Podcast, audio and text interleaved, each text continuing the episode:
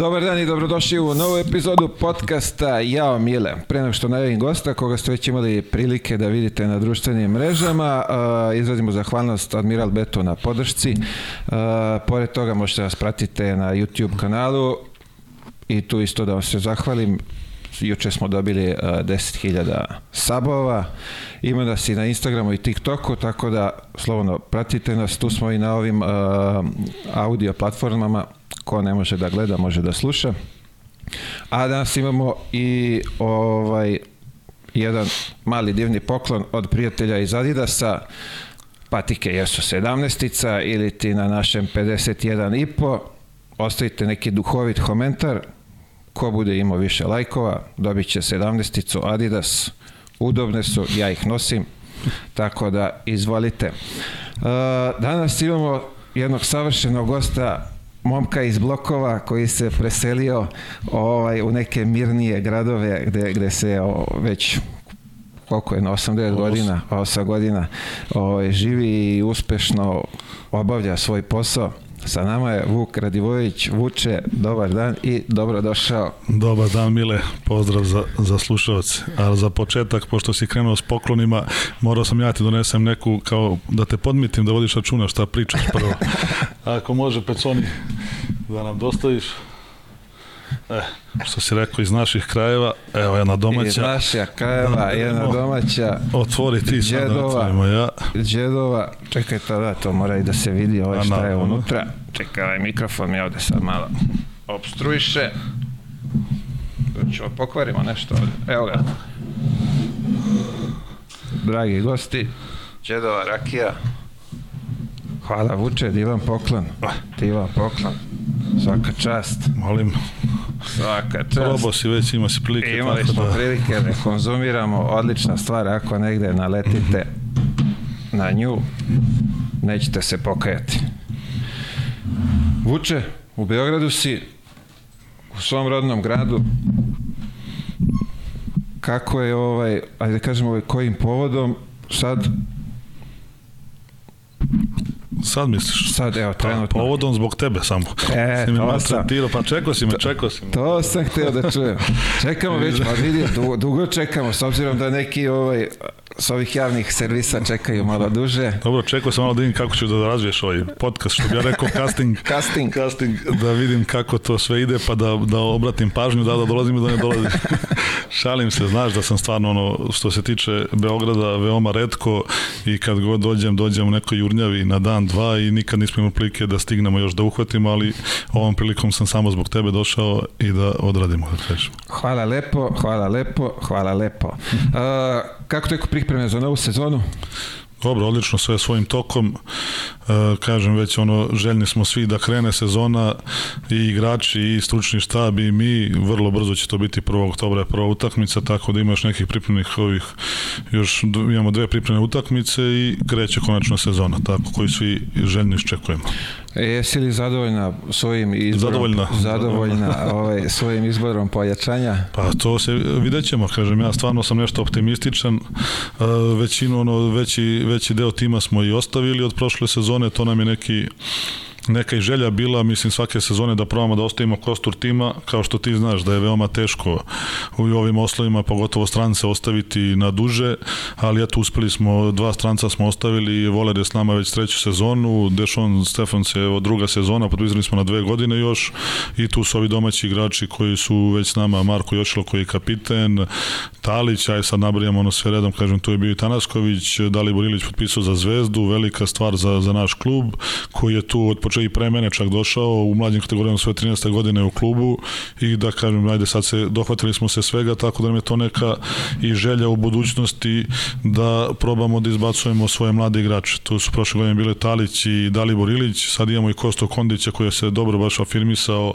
u borcu Banjalučkom, da je igrao ABA 2 ligu, tako da je sad došao da, da, da se priključi, priključi našem timu i mislim da će sve to biti dobro.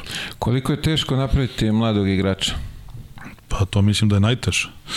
Ali sada se dohvatimo te teme, ako ćemo redom sad, evo vidi se to, vidi se da kažemo po reprezentaciji po svemu, mislim da je to naš najveći problem stvaranje novih igrača. Da se na to, znači, izgubilo se nešto, kažemo, taj smisao uh, kažem pravljenja igrača da kažemo ovi kažemo te neke manje manje sredine koje su ranije bile i košarkaške i sve to zbog i financijskih situacija i svega dosta dosta su u slabijem položaju tako da možda i zbog toga ne mogu i da da da da kažem za stvaranje mladih igrača velika velika ulaganja su potrebna ništa nije isplativo znaš. I onda većinu ljudi lakše da dovedeš već nekoga pogotovo u nižim nižim ligama da se takmičiš nego da ulažeš u, u mlade igrače, mi se trudimo, stvarno napravili smo, to je napravljena škola već duže, pre, kažem ti, pre nego što sam ja došao, od kad su tu na čelo kluba došli Igor i Pale, oni su se o, zabavili tim i napravili su i od tada trudimo se to sada da dignemo iz godinu u godinu na veći nivo, ali veliko, veliko ulaganje. Pokušavamo da, na, da imaju sve dobre uslove i e, nadamo se da će dati rezultat. A recimo sad u poslednje vreme, s obzirom da, da mladi igrači svi jure ovde u Beogradu, Partizan i Zvezdu i, i Megu FNP, vi ste se izborili da sad e, po neke, aj kažemo, nije sad ono krenulo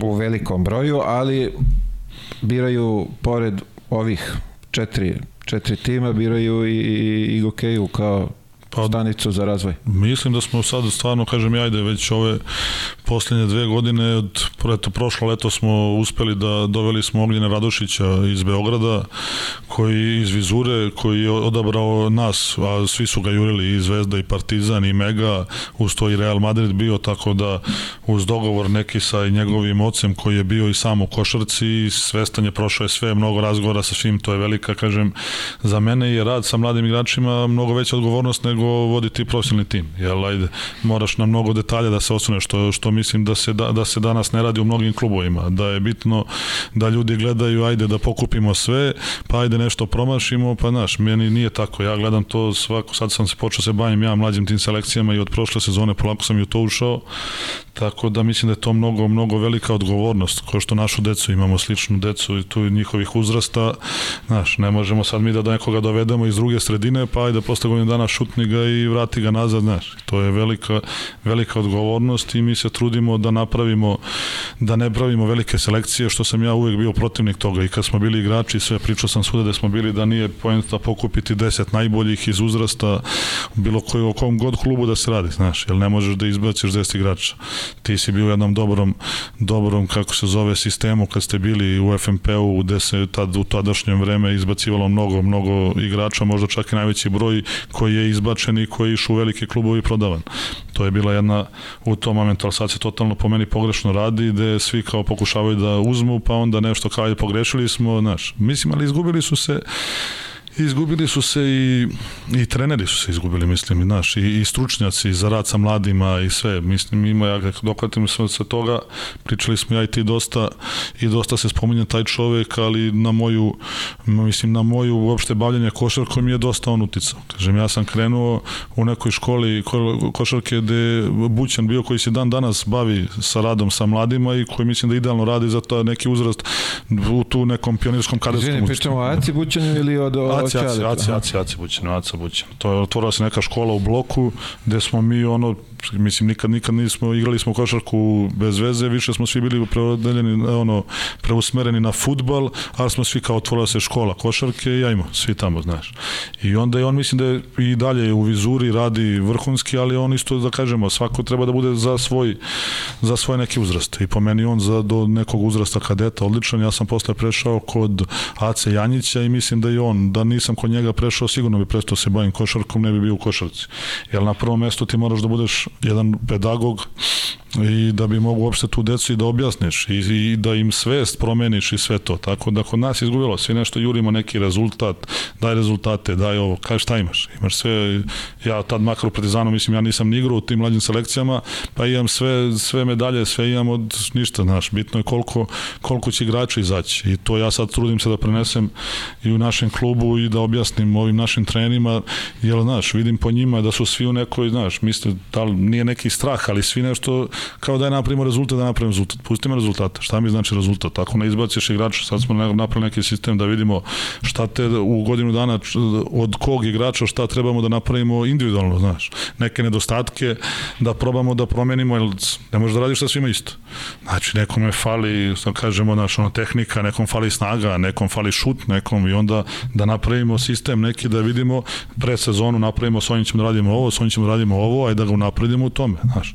A treba se posvetiti svoj deci, ali na prvom mestu mislim da ih treba vaspitati meni je najbitnije što sam rekao, jer od, od tih mladih igrača e, veći broj neće se baviti košarkom posle toga. Odradit će mlađe, ka, mlađe selekcije i znaš kako je, pogotovo velikim klubom, kad dođeš do prvog tima, ajde, ti dalje, znaš, bitno je da mi njih, njih usmerimo i pogotovo što roditelji, isto koji mi, zašto guramo decu u sport? Da ne bi bili na ulici, da ne bi gubili vreme, da se pogotovo u današnje vreme ne bi prodili vreme pred e, kompjuterima, s telefonima, sa tim, da ih guramo u sport, znaš, i to, i nemaju neka, neki roditelji normalni nemaju neka velika očekivanja od svoje dece, nego žele da ih sklone, što je pravi put. E pa onda, ako se, smo se mi prihvatili te obaveze, da, da i da pomognemo svoj toj deci, da da ih usmerimo u pravi put, kad oni izađu tamo 18-20 godina, da oni budu pravi ljudi, a ko se bavi košarkom, bavit se mali broj, da probamo i taj mali broj, ali da ih da napravimo igrače.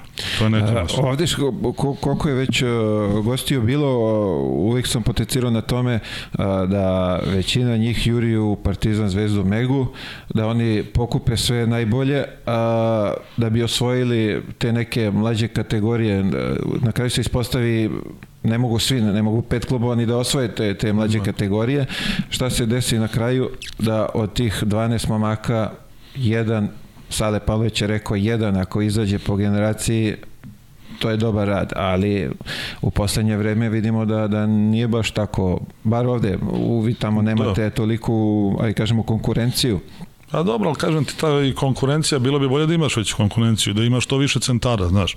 Sad sam dobio podatak neki da, juče sam baš sedeo sa ljudima iz košarke, iz borca, iz uprave, iz saveza, E, za juniorske timove tamo iz našeg regiona samo se četiri kluba prijavilo, znaš, nema mlađih kategorija uopšte. A ovde se vodi ta borba, ko što se vodi na frontu prvih timova, vodi se i za, pre, za kažemo, ajde, se tako izrazim, otimanje igrača, ko će pre da uzme šta će. Mega ima taj neki svoj sistem, to se zna zašto je Miško napravio, radi, oni rade uspešno u tom smislu i mislim da je na, zbog toga i napravljeno. I ono, video, ja sam prošle godine bio, bio na, u Ljubljani na završnici ABA turnira juniorskog, znaš, gde ti vidiš na završnici gde dođe 15-20 skauta, znaš, i oni to guraju, ajde, mega, ima smisla, oni za njih već koliko godina i osvajaju, osvajaju taj juniorski turnir i vratili su čak prošle godine Jovića koji je draftan u NBA. Po meni čak i to su ludo. Ja sam rekao ima meni to stvarno nije prioritet za osvajanje. Evo Jugokeja bila i ove godine treća i prošle i pretprošle. Tre, izgubili smo neke ono polufinale, znači onda treneri kao ja, izgubili smo blizu, kažem sve super, da. I mi smo vraćali neke, navlatili smo Vuka Boškovića koji je igrao celu sezonu za Borac, koji je igrao ABA dva tim, znaš, po meni nema potrebe da i oni tu budu. Treba ove mlađe da guramo, da pokušamo, ali to je neka, da kažemo, prevlast ovde što više vlada između ta tri kluba si nabrojao, verovatno ima drugi borac, Čačak je sad počeo isto dosta da radi sa mlađim selekcijama, ja se nadam da će biti što više. Pa meni je, kažem, okrenuti smo svi ka Srbiji i Gokeja pogotovo prosrpski na čak i, i možda najviše i kažem, treba, treba da, da pravimo svi zajedno da gledamo po meni veću sliku, reprezentaciju i to, da, da se što više dece izbače reprezentaciju. Svi generalno ne bežimo od toga da imamo problem. Kako, spominješ reprezentaciju, kako si vidio sad ovo evropsko prvenstvo? Pa dobro, ono kažem na kraju svi smo razočarani sa ono mislim žao je svima što nismo napravili neki veći rezultat. Ja smo videli kad su momci otišli, bio sam tu na utakmici protiv Grčke, ono gledali smo gde je bila fantastična atmosfera, gde je bilo ekstra odigrana utakmica protiv Turske i posle te dve utakmice znaš kako je naša naš mentalitet. Odma smo uzeli zlato. Jebi. Sad to ljudi ljudi gledaju tako, takva ti naša, ali kažem generalno meni je veći problem što kaže to je najviše vidiš u reprezentaciji tog nekog uzrasta 94. 95. koja je generacija čak izbacila možda i najviše ljudi, neću se vratiti na one ranije, ali pa meni je problem veći, ajde da vidimo sad dalje. Ko će da zameni Tedovića, ko će da zameni Micića, ko će da zameni ovo, znaš. Tu je malo, a ovo ne bi ulazio, što se dešavalo, sad svi komentarišu posle toga, znaš, dešava se. I ovaj selektor izabrao si selektora, selektor je donao svoju odluku, sad mi šta god da mislili, nije ni bitno na kraju.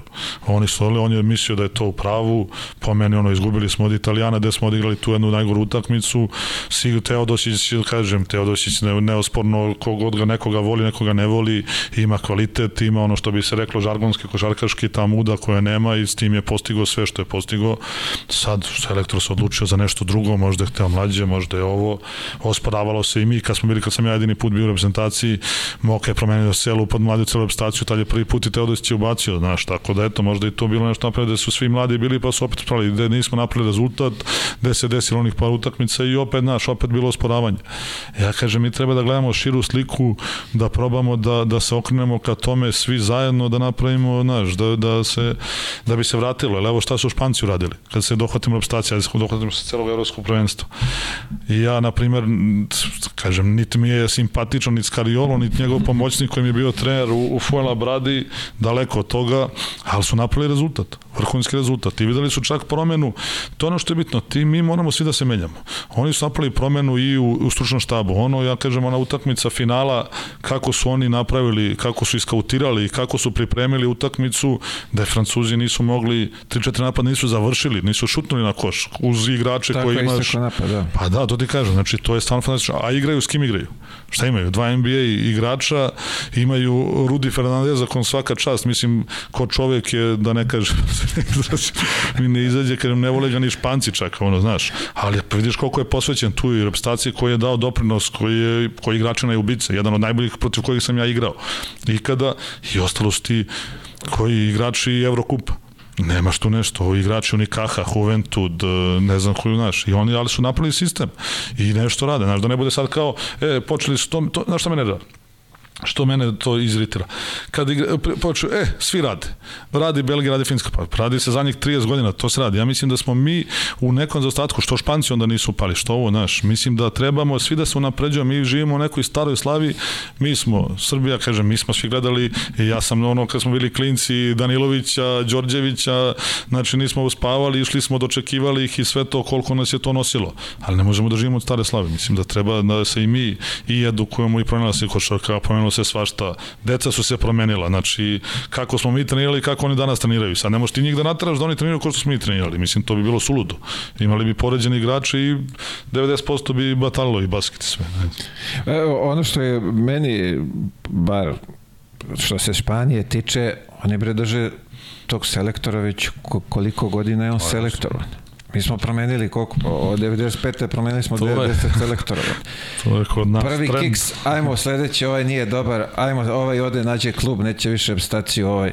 Čovjek je tamo i pored toga, ja mislim što je, a, ispravit će me neko ako grešim, i pored toga što je bio u, u NBA-u, on je vodio... Ma da, nije, nije to samo, nije to samo t, u, u reprezentaciji, sada ne ispadne kritikujem i save, da kritikujemo sad mi nešto protiv save, sve, sve, ali što ti kažeš, to je, mislim da je to ovde, naša javnost je surova u tom tome, znaš, navikli smo, što kažem ti, ja navikli smo, svi smo mi navikli na neke vrhunske rezultate, košarka kao što je vaterpolo bilo, pa kao uf, nismo uzeli zlato. Mislim, ko je odgleda utakmicu nekad, ono, neko ni ne pogleda utakmicu vaterpolo se začne, i nismo uzeli zlato, znaš, to je ono što javnost je navikla i mi smo generalno tog mentaliteta da smo navikli da kritikujemo, ajde, jedno čekamo nešto da bude loše, pa udri po svima. Šta, koliko smo mi trenera promenili po klubovima. Evo ti primer samo da kažem, evo ti ono zvezde, da se uhodimo zvezde. Koliko je bilo trenera promenjeno, koliko ne istrpljamo, koliko sve. Deo Radenić čim je dobio neki kontinuitet, da mu je istrpljeno, gde mislim ne bi istrpljeno bilo nikome ono ranije što je bilo kad je nije osvojeno u Beogradu, bilo Final Four, osvoji nam Cibona u sred Beograda, pored Partizana i, i Zvezda osvoji Cibona, znaš, i onda se istrpi, mora, znaš, mora tako da se, da, to je ono, ali kod nas je totalno drugačiji, mentalitet sad, da li ćemo mi da se promenimo ili ćemo da idemo ovim putem, ali ovim putem sigurno nećemo u budućnosti imati ništa dobro. A dobro, bar nam prija ovaj većini u stvari prija kad se ovako nešto desi, pa ajmo da opletemo po kome stignemo, menjaj selektora, menjaj predsednika, menjaj šta već menjaj, uglavnom samo menjaj, ali moj, moj zaključak da su momci stvarno odigrali fantastično, mislim da su imali dobru hemiju, jebi ga desio se taj loš dan, tako je ispalo kako je ispalo, bože moj. Ne, pazi, oni su vrhunski su imali ono što oni ističu, što se to videlo stvarno. E, što imali su stvarno atmosferu neviđenu. I oni kako su, ja mislim da reprezentacija dugo ne igrala odbranu kao što su oni igrali na, ono, na početku. Kako smo mi kidali odbranu, pa mi smo i tu te Poljake zgazili da nisu mogli da priđu 30 razlika. I Finci i sve to koji su došli na neke ozbiljne rezultate. Svi Poljaci izbacili Slovence, znaš. Tako da, da smo imali sve vrhunski. Mislim, možda, mislim, ajde ne, ne vidimo sada ono, sve svi hvatili nekog Alibija, povredio se, Milutinov nije bio od početka tu, Marinković odigrao vrhunski, da je dečko stvarno okrenuo i ove utakmice i sve bio spreman ekstra, on se razboleo, Nedović e, povrede, sve te nešto vuče, ali ti se desi, ali je to na razlika mala naš, nije u ovoj utakmici nam je, što kažem tad nekad ono Teo i sve to što imao si nekog igrača koji stisne i prelomi kada je trebalo. Mi smo se stisli svi, na Jokića se zna da se igralo dominantan je mnogo, svi su se pripremili, e, zakazao Vasa prvu utakmicu, nije Luča mogo, nije išlo Karenu, nije Guduru išlo i ugasili smo se. Falio nam je jedan džoker, kao što kaže Kari, kad je, kad je Gurović bio protiv Amerikanaca, kad je poludao, uvek ti fali neko taj. E, tad se desilo u Italijanima.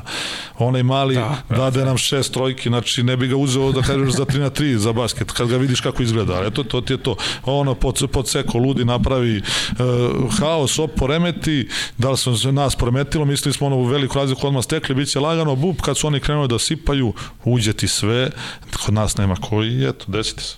Ha, dobro, pa moj, ajde da se, nadam se da će se kvalifikovati na svetsko, pa ćemo dobro. imati sledeću priliku sledeće godine.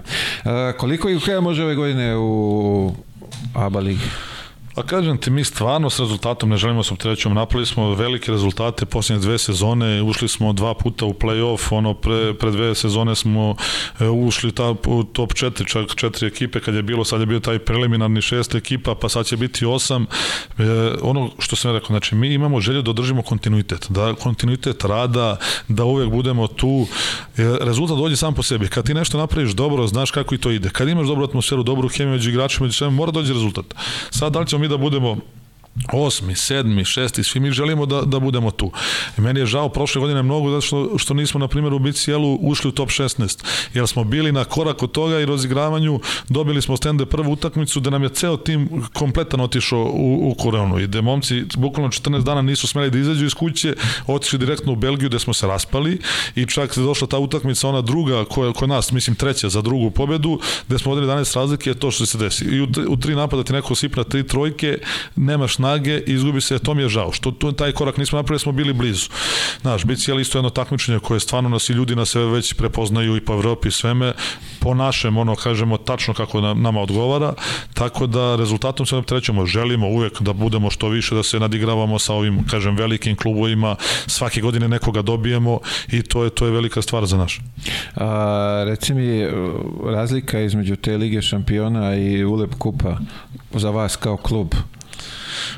Ne, meni je, kažem, Fibino takmičenje ono, baš po meri i, i sve to, mislim, posvećenost tih ljudi u Fibi, e, to me oduševilo. Kad sam prvi put smo imali ono, kad smo igrali kvalifikacije pre, pre tri sezone, kad smo i prvi put ušli u, u to takmičenje, kad smo se morali kroz kvalifikacije da se, kad je bila korona, i tad sam prvi put imao i susret sa tim ljudima, pogotovo moram da pohvalim, znači, direktora na ovog takmičenja Dejana Lekića, koji je bio predsednik Makedonskog saveza, kog ja nisam ni znao znao do tada, dok ga nisam upoznao. Da fantastičan jedan čovjek koji nama mnogo izašao sutra da mene, mislim generalno i da me upozna sa trenim takmičenjem sve, ali su stvarno posvećeni maksimalno. Čak i previše mailova stavio, ja sam svak skinuo svoju adresu, znaš, stalno ti stižu neki mailovi pomoći ovoga onoga, a u Evrokupu ja nisam imao osjećaj da ljudi uopšte imaju tu neku želju ili to sve naš. Po meni kao Evrokup postoji za ove klubove koji žele da igraju Evroligu, ali nisu Evroligi. I kao, tu smo, napravili smo takmičenje za to, znaš. Mislim da, ovo, ajde, kažem, ne mogu da, da, da komentarišem o, o takmičenju, nismo ga učestvovali, tako da bi bilo glupo da sad nešto pričam loše. Nama je FIBA taman po meri i odlično, odlično nam je leglo. Pa dobro, želimo vam sreću ove sezone, hvala, hvala. što u ABA ligi, što u Ligi šampiona. Kako to zvuči u futbolu Liga šampiona? A, ajde da se vratimo mi na početak. Kako ste izvolio basket? Kako je to krenulo sve? Pa dotakli smo se malo toga sad. Pa da, da, da, da, da dopunimo priču. Dobro, dobro. Kako se zove, Pa kažem, ja sam više u futbal volio, stvarno, i ono i pratio sam futbal, išao sam na utakmice Zvezde, tako sam bio klinac, stalno sam Ćale me vodio ono, na utakmice Zvezde, smo išli stalno gledao više, tad je i Zvezda igrala, sećam se posljednji put kad sam bio, i to mi je posljednji utakmice kad sam bio na Severu, šta sam imao 13 godina, 96 protiv Barcelone, eto, a posle sam stalno išao, ono, išao na zapad i to sve, ono, ali ovo, tad smo, kad smo bili klinci, nam je bilo, naš, idemo, vodrimo, naš, to ekstra, i basket toliko nisam ni pratio, ja kažem, i ono, basket smo išli, tam bilo zanimljivo, Zvezdu sam išao, gledam, to nekom periodu koji igrao Tomašević i Gilić su bili, znaš, svaka utakmica bila tuča. I onda je bilo ekstra, ja gledamo kad će, ko će se pobija, kako će bude zanimljivo, znaš, a košarku, ja kažem ti, ja svest o košarci nekoj pravo, ono mišljenje o košarci sam dobio sa 25 godina. Tako da, znaš, ono ranije me stvarno me više interesovalo da igramo to nešto. Rekao sam ti, ovo krenuli smo u bloku, ajmo svi tu, ja ostao, nešto zanimljivo, bilo dobro društvo, kažem ti, lego mi ovaj Aca Janjić, ne, niti sam ja neki talent bio, niti sam nešto uvek na sebi se nadograđivao. Ja sam tek počeo da radim nešto na sebi sa, pa išli smo zajedno, kada Aca Matović, sad se koliko mi ispirao mozak za levu ruku. Mene nije, nije zanimalo šta da sam teo da, da napredujem, nisam levu ruku nikad vežbao. Tako da, ajde, bilo nam je ono da se takmičimo, kad sam bio klinac 18 godina, kad smo ono došli do zvezda, meni je to bio san snova, znaš, budeš ono kao u zvezdi, kao i ekstra. I onda sta svaku utakmicu mi izlazi s pet falova, tukli se, sta dođe posle kasnije neke druge, treće sezone, ne znam ni kad je već bilo, kad smo već, ajde, da kažem, i postalo neko ime u košarci i ušli u neki ritam, znaš, nisam, ja ne znam da li sam gledao Euroligu, da li sam uopšte pratio, igram protiv Reala, kažu, znaš, do, kao važio sam za nekog odbramenog igrača, dođe, dođe Real Madrid, kaže, ne znam ko je bio sad, kada ta, ja, Šakuta, to smo imali dobar rezultat. Ti ćeš Bulok, ja kažem, važi, važi, nemam pojma ko je Bulok. Znači, ne, ne znam ko je. Kaže, važi, ja onda uhvati moje pomoćnike, daj naš pripremiti scouting, šta je šta radi, znači važi, nema šta bitno, ga prebijemo mi onda. Tako da, A dobro, vidi, lepo si zavoleo košarku, gledao si Tomaševića i Gilića, ovaj, bit će neka frka, to, to, to te je privlačilo. Bro. A to, kažem ti, to, košarka mi je baš bilo ono mimo toga, ali smo društvo izdali i u Partizanu, ove mlađe selekcije, ta zvezda, mislim, nije ni imala, mlađe selekcije imala nešto, bila na doleću, sve ali loš. I onda smo svi bili tamo, i kažem ti, ono sad ta priča, igrao si Partizan zvezda, ja kažem, niti se bilo kome pradam, niti me interesuje, nikad mu u životu ne interesuje tuđe mišljenje. Ali smo mi tad u selekciji Partizana imali, imali ono, znaš, kao igramo, ali kad se delimo, igramo neki futbol ili nešto, igramo kao u Partizanu Zvezda Partizan. I bilo nas je pola pola, znaš, sad ti pola njih neće ni da prizna su navijali za Zvezdu, ali nebitno, to neki ne, niko ni kažem svako kaže šta misli. Ali tako je bilo. I onda kažem i stvarno mi je, ajde sad ste mi je raslo želja za tim i dobro ono okej. Okay. Ali mi je bez tog čoveka ovoga ne bi nikad bio u košarci, ali mi on kaže doće tvoje vreme, doće tvoje vreme.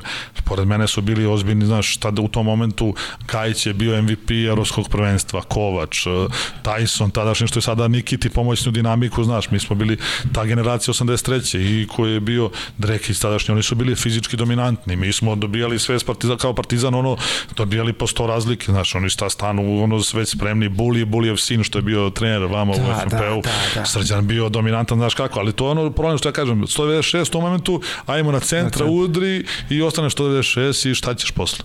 To je, moraš da gledaš ono sve i kažem ti, od, iz te neke generacije, posle smo prešli već unelima kod Pece, pa nam je bio trime, e, trening, trener i kažem Kime Bogojević, pa smo došli kod Lukija, gde čak i Jaca Bućanac tu nešto uhvatio. Kod koga? Kod? Kod Lukija, Luković, tad smo igrali Torlak, aha, aha, okay, to okay. je bila druga generacija, tad sam ja bio čak najstariji, ono, sam seća se, tad sam već ono bio kapiten, bio i Taradenović, bili su Raki, Šljiva, braća Lekić, tako te neke generacije, znaš, tad je bilo. E, to je bilo godinu dana pred, ali si uz to stvarno trenirao sa prvim timom. Ta, ja 16 godina počinjem kao naš, jer sam bio važan za dobro odbranu igrača, ajde, udri tamo, dođi na trening, možda izdrži fizički tamo dolazio sam i kod Duleta stalno i ovih svih, nikad nisam bio u selekciji i tako je to počelo. I mislim, dobra stvar mi se i desila, meni zbog moje karijere dobra stvar došlo kad sam trebao napraviti 18 godina, znaš kako je tad bilo, imao si dve godine stipendijski ugovor i onda si ono morao potpišati četvorogodišnje, bilo je dve plus četiri, pa ali se odlučuješ tada. To je s tim se odlučuje da li će da potpiše s tom četvorogodišnji, ja sam seo s ljudima, baš bile Dule i Danilović, s kojim sam ja i dalje stvarno sa svima sam u dobrim kontaktima od, odnosima. E, ali, kažem ti, došli smo, oni kao procenili su, e, nisi za nas, ne možeš da igraš za prvi tim, možda ostaneš negde da igraš tu prvu srpsku ili nešto, ja kažem, ili da se razilazimo, kažem. Hvala i mislim da mi je to bilo dobro za, za moj neki napredak, kažem. Ajde, ono tad se, jel ja uvek sam nešto iz inata, ajde, ok, daj da pokažemo sada naš, ajde sada da vidimo kako se reaguje. Otišao sam u slogu iz Kraljeva, da mi je bilo fantastično, da te godinu dana, znaš, bio je Dragan Kosti bio trener tada, dobra neka ekipa, Sale Stefanović bio tu, Božović, Dašić se vratio, sećam se iz inostranstva, Dragolović je godinu dana pre toga, sloga, e to ti kažem, ti centri koji su nekad dobro radili, svi smo mi prošli tamo, Lepović, Dragolović, svi su bili pre toga, pa je Dragolović otišao u Zvezdu, kad sam ja došao tamo. I meni je te godinu dana značilo ekstra, videli me ljudi iz Zvezda, prvo Trifa i, i Žika Anđelković, tad kad je bio, prebacio preko Zmaga, pokupili me i eto, tako je, tako je krenulo. Pardon, u tim početcima jesi mašto nešto šta bi voleo da, dokle bi voleo da doguraš? A kažem ti, meni bi, kad si rekao da si me najavio kod deti iz bloka. kažem, ja sam NBA ono gledao jer su bili onaj koš, one pa smo skidali prostore pa bilo zanimljivo šta sam, naš. Ja sam navio kao za Orlando, tam bio Orlando, no dobro, Shaquille, Penny Hardway, Nick Anderson, bilo mi više zbog Sonija, tad smo se zbog ekipa, to bio NBA, nije bilo. Ali ko moja, moj limit je bio zvezda, usvajanje titule sa zvezdom i to je to, naš, beogradski klasič fantastično. Čekaj, doli, ajde kažemo, odlaziš u Kraljevo, malo je to dečko iz blokova ide u, u manju sredinu. Kako si to, ovaj, kako si to doživeo? Dobro, rekao sam ti, dobro društvo sam im. dobro je bilo druženje. Tako da smo izgurali, ali ka, ne, kažem, ja sam stvarno kad dođem na teren, ono, i, i volim da pobeđujem, volim da se, da, da se takmičim, da pobeđujem, da u tome sam bio. Nisam ja ništa nešto, ono, kažem, talentovan i to nisam gledao u tom smislu. Ja na trening, e, to je ono što ja sad pričam, nekad nekim treningama, imaš, mora da shvatimo mi kako su igrači. Mene, da neko mi ne kaže, moraš da trenaš, ne bi trenao nikad. Ali kad dobro su da sam imao trenere koji su me trenali non stop da treniram i onda ajde trenaš, trenaš, tako kad dođeš kod ludaka, trenaš po 8 sati dnevno, mora nešto da bude tebe. I onda kažem i ova deca i ja sam tada došao, Kraljevo mi je značilo puno više zbog igrački da negde upadnem, znaš. I kažem, to je taj inat gde sam ja hteo da pokažem da mogu, ali Kraljevo je bila prva liga gde su bili svi Zvezda, Partizan, budućnost tadašnja i, i gde su bilo takmičenje ozbiljno, zato sam ja otišao u Kraljevo, ili ipak ti si 18 godina, ako se, određuje, ako se opredeljuješ, tad je bilo isto opredeljuješ za košarku ili bataljuješ i to je to. Tako da sam izabrao Kraljevo, nije meni problem nigde da se, da se priviknem, ja prilagodim se ja svuda, znaš. A reci mi u tom momentu Kraljevo, idemo neke strance nešto ili... Te godine nismo imali nikoga. Nismo, kažem ti, bio, znači, ja što sam ti nabrao ovog svega, bio još na Mirka Vukaljović sam, nisam spomenuo i to je tih nekih, ovo drugo su isto neki bili mlađi, Ni, nismo nijednog stranca imali tada. Bilo je pre kod dozete ono kad su bili, kad je bilo košolje, oni gluposti. to sve, to, to, da to, ne, ne, to je doze, to nek ti doze ti ispriča. Ta nisam ja bio pri... A sam čuo, čuo, nije, pa je bilo one restrikcije, pa su gasili, pa su par njih pobegli. Nisam, nisam ja bio, ali sam čuo priče. Ovaj, povratak, mislim, ne povratak, prvi tvoj uh, nastup na zvezdu, ajde, u, u zvezdi, uh, to je, ajde, sad si rekao, dobre partije dole, dolaziš ovamo, ovde te čeka zanimljiva ekipica od Zmaga Sagelina pa, pa svih ostalih. Ma haos, haos. To kažem, prva utakmica gde sam, pazi, Zmago je tada ja kažem, ne, meni je zmago, da nije bilo zmaga, mislim da ne bi do tako taj nivo, znaš, jer meni je bio potreban takav trener. Da kažem, ja, e, ono, e, pozitivno ludak, znaš, koji je klasično ludak. Kažem, što bi sad ljudi, ja kažem sad našem detetu ili neko dodvedeš, to je prednje ukršteni, lomi se sve, nema to, znaš, kod njega. Ja kažem, ti imali smo te pripreme, jednom 30 dana smo bili na pripremu u Sloveniji, 30 dana. I za 30 dana on meni nije dao ni jedno jutro slobodno. Znači, možete, znači, ni jedno jutro, meni kao on je najmlađi, mislim, ovi svi su dobili nešto, neki drugi bio je Čeda, tad ovo, 2, 3, 4 jutra dobio, ali meni ništa. Jel mene uvek vola, znaš, i onda uhvatiš s njim, imaš sastanke konstantne i onda uhvati, znaš, misle možda me slomi, ali ja stvarno tako klinac nije me intereso niko.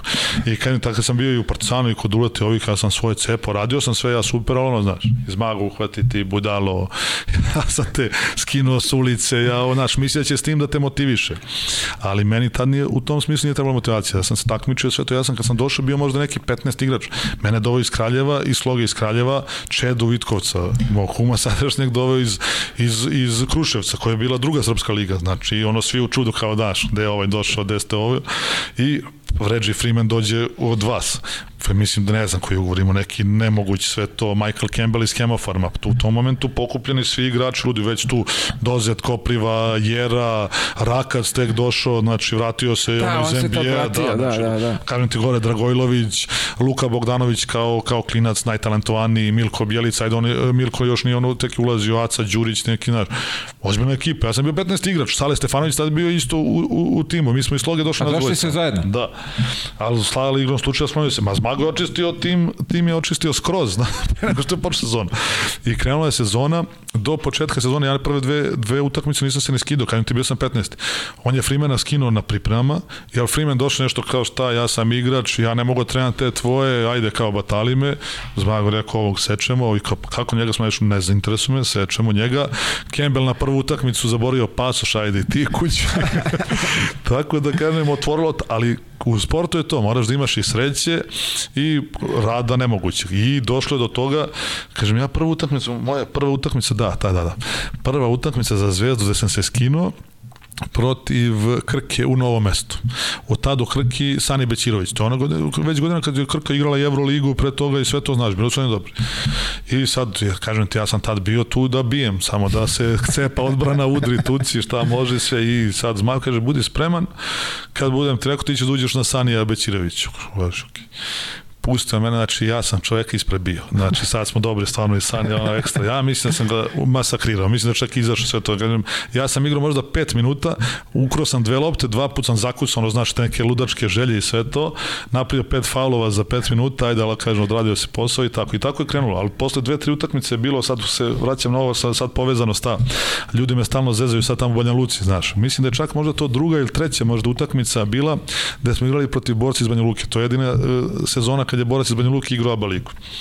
E, to me oduševilo. Jer ja, generalno, mene te nose te atmosfere, sve to, znaš, sad je bilo i ovde u Pioniru haos, navijači, jedni, drugi, sve. I dođem u Borac Banja Luku, mislim, Banja Luci nikad nisam bio pre toga, nemam pojma šta je. Dođem, hala, krcata gruvaju jedna strana njihovi sad ovi lešinari i s druge strane zvezdi navijači. To se cepa, to je ono bakljade, sve, uf, rekao ekstra to. Tu sam i onda tu sam izigrao, ono dao i dam trojku za nju sekundi. Ali ajde, pored toga što sam dao što Rakac nešto zabao, sad ono, znaš, zezam se sa Šćekom i ovima, on je bio faul napad, nije bio faul napad, Rakac zabao, svi na njega, on izbacio meni, ja iz Ćoška dao, ali sam igrao dobru utakmicu. Ali kažem ti, u toj nekoj želji ta utakmica osjeća u jer me Zmag opet napušio, jer ja ono, znaš, koliko sam bio nisam bio toliko taktički obučen sve to, ali sam imao neku želju ludu, sve to i ne, jednom sam se zaletao na koš i nisam znao gde, ušao sam sve, kako sam naskočio, nikad neću zaboraviti. Uradim 360 stepeni okret i šutnem je i ubijam mu tamo. Smago gledao čudo, budalo, šta radiš, šta si? Moram da rađe negde s njim da vidim. Tako da, prva sezona, mislim, ne znam da sam završio dve utakmice, da sam završio da nisam imao pet penala. Ali kažem ti, to ono što je Zmago prepoznao. I posle dva meseca Čeda, koji su se svi, znaš, zezali, da kažemo, došao iz uh, druge srpske lige, ja iz Kraljeva, nas dvojica u petorci pored svih tih imena. Mislim, kod Zmaga imalo smo, svi smo imali ulogu, ali se kidalo dok imaš, pa samo nas je vrteo, znaš. Čak i Rakac odigrao tu svoju najbolju onu sezonu kad je bio, znaš, a on je, Rakac je dominantan, jedan najboljih igrača. A jeste, da, priznao je ovde, kaže, ali njega, on isto se, kaže da mu taj ritam odgovara i on da, je bio da, posle tamo i kod, kod Duška i, tako je, pa da. to je, njemu isto to treba. E, on kaže da se nije snašao, i beše kod Atamana u Turskoj, kao nije mogo da veruje no, kako se trenira. To se... ne dođe četiri dana trening, nema ga. a če, ovaj, ajde sad, tad je mi pričao te pripreme gore u, u, u Sloveniji ovaj, sa Zmagom, to kad je bilo. Kaže da je to bilo ovaj, nekog gledanja šta se jede. Da, da. O, bilo je svega. Još sam ja uletao, jednom sam naletao na zmaga, sam kao da ispade mangup, u puno kesa, znači imam i na, direktno na njega, a ono, a on nije dozvoljavao da se Coca-Cola, smoki, a ja sve. Dve flaše, dve litre Coca-Cola, smoki, čipsevi, sve. I ja nosim i vidim da nalećem na njega, rekao, uf, veselo. I zmago, dođi, dođi, dođi. budalo, šta je to? Ja rekao, evo kupio malo ćete nešto. Mar, znači, ja mislim da nijednu platu nisam primio celu, prvu, nikad. Sada kažem, ja stale sve pripreme kazne, uvek sam po celu platu sam morao da 20%, 10%. Tako da bilo je kod njega sve moralo, znaš. Onda su Čedo zezali, Čedo uvek natrpa na stanje, onda zmago, ali znaš, ali nekad je, nekad je bio i duhovit je bio, znaš, onda je pravio, oko toga pravio zezanje, tako. Ali, kažem ti, tri, zamisli, tri dana se ne priprema. I trening je 3 sata ujutru, 3 sata uveč. A bili smo i mi u, sa, sa FNP-om na, na Zlatiboru. Znači, tako, posle 15 uteši... dana ne možeš da gledaš nikoga, hoćeš da ubiješ i sa igrače i sve, znači, ne znaš gde si lud skroz. I onda možeš da smišljaš neke gluposti, sad onda više ne znaš šta radiš, možeš da napišeš neko stranje. A toga je bilo, u bilo, toj, u toj ekipi. Čekaj, si spomenuo sad Kintu, uh, nisi dobio celu platu, ali aj kažemo Zvezda verovatno tad je bilo neke da, bilo je i Kraljevo, ali taj osjećaj te prve zarađene love, kako to izgledalo? Pa da ima da se izađe u grad, šta? da imamo da potražimo šalim se, ali kažem ti, tad su neke u Zvezdi su bili ozbiljni ugovor, a smo ja i Čeda došli to pod zmagovom palicom, mi smo imali čak najmanji ugovor. Tako da smo uvek bili, ali bilo je to zanimljivo, bilo dobro vremeno, kad si klinac, ne zanimaš ništa, ne razmišljaš, ja kažem, stvarno nisam razmišljao, što ne savjetujem sad nikoga, ja stvarno ono, ajde, da smo i družili se mnogo, izlazilo i sve to, ajde, da imaš 5 dana platu, potrošiš posle, potpisuj, potpisuj, zna gospodin, evo ga, prisutan, tako da je bilo šta ima, skupi se, šta nema, potpiše se, pa se donosi i tako. Doneću. A mora da imamo negde ventil, neki ventil uvek moraš da imaš, sad kome to šta, tako da meni je to bilo. Ali bili su dobri ventili. Pa bilo je. bilo je sve. Pogotovo sa tom ekipom, ovaj, Pa dobro, kažem ti, nije, u tom nekom periodu ja sam klinac nešto izbegavao sam, jer su naš, mene svi nešto označili tu kao neko ko voli da izlazi i da svašta radi i tako nešto bez veze. I onda krili su, krili su i od zmaga su stvarno krili, ja izlazio sam non stop, tad kad sam bio klinac i onda su trifa i neš, nemoj, ja da smiri se. I ja onda zbog te neke situacije nisam teo da uvlačim druge u probleme, izbegavao sam da, da vodim ove košarkaše sa mnom, znaš, imao sam neko, neko svoje društvo, ali uvek se neko uhvati to i onda koji mene krive sad posle, znaš, kum isto Slavko Stefanović je bio s nama posle kad je on došao u tu ekipu, Pero Antić, evo, gde god može pljuje po meni da sam ga ja navuku i tako neke Da, on stvarno nije takav tip. Da, da, nije, da, on, pa, da, da, fino došao, dete, ovde mi smo ga pohvalili kad je da, došao. tako da, kažem ti, nisam ja, jel da ne bi pravio probleme drugima, ja sam ono, vodio se tim šta moje, to nisam nikad slušao, kažem ti, nikad mi nije bilo bitno šta drugi pričaju, ja dođem, odradim svoj, kažem ti, izađem i sve, ali dođem svaki trening, nisam nijedan trening propustio. To je, čak i mene to nosilo kad izađem da moram da odradim trening, izgini pogini dok ne dođeš, idi posle kuće odspava i tako. Nikad nisam ono izlazio petak pred utakmicu, dan pred utakmicu to sam imao, taj sam se odmar. Tako. A reci mi u tom momentu, koliko se ovaj trenera i uprave promenilo u tom tvom prvom mandatu? Pa prvi mandat nije, prvi mandat je zmago izgurao celu sezonu. I to je bila dobra sezona, kažem. Tad je Partizan bio jači od nas, sa većim ambicijama već po sve posvajao, Zvezda čekala titulu, tad smo, ne znam, 14 godina. Mi, ja sam ukupno, mislim, 16 se čekala, ne znam koliko tad bilo, možda tad bilo 12, pa se ono izguralo sve. I Zmago je, dobar, dobar tim smo im napravili. Mi smo ono, tad je bio kup, ono Radio Ković, kad smo vas dobili u finalu, ono, udački, kad je, što je Vlada rekao, ono, ne može da mi oprosti, kad god ga sretnem pričam i za to, rekao, dobro je Vlada prošlo 30 godina.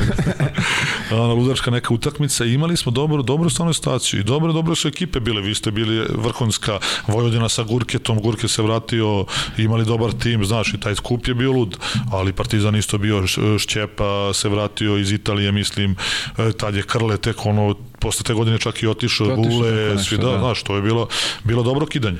Ali smo mi imali nesreću te godine na kraju da se desilo, desilo nam se ono u vršcu tuča, tuča što da, je da, prekinuta da, da, utakmica, gde smo mi prvu utakmicu u polufinalu izgubili, izgubili smo, mislim da ste vi, vi ste igrali s Partizanom, polufinalu mi smo igrali s Vršcem. Tako je beše bilo. Uh, kad je bilo za, za titulu.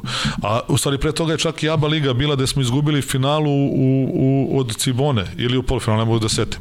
Tad je bilo u Zagrebu, gde smo otišli u produžetke. Ne bre, mi smo vas dobili u polufinalu. Ne, ne, to vi ste posle. To je, ne, ne, to je druga utakmica. To je bila, aha, okay, to je bila okay. te kad smo izgubili od, od od A možda smo, da, od vas smo dobili, u, u Zagrebu kad je bilo. Da, bre. Jeste, kad smo u produžetku s vama igrali, a Cibona, posle vi ste igrali final Cibona. Tako je, to je ta gojina sa Rakcem. E, to, to, Rakac, kad smo neke premane su bili nešto pred pa kraj, pa nije pa smo ušli, eto.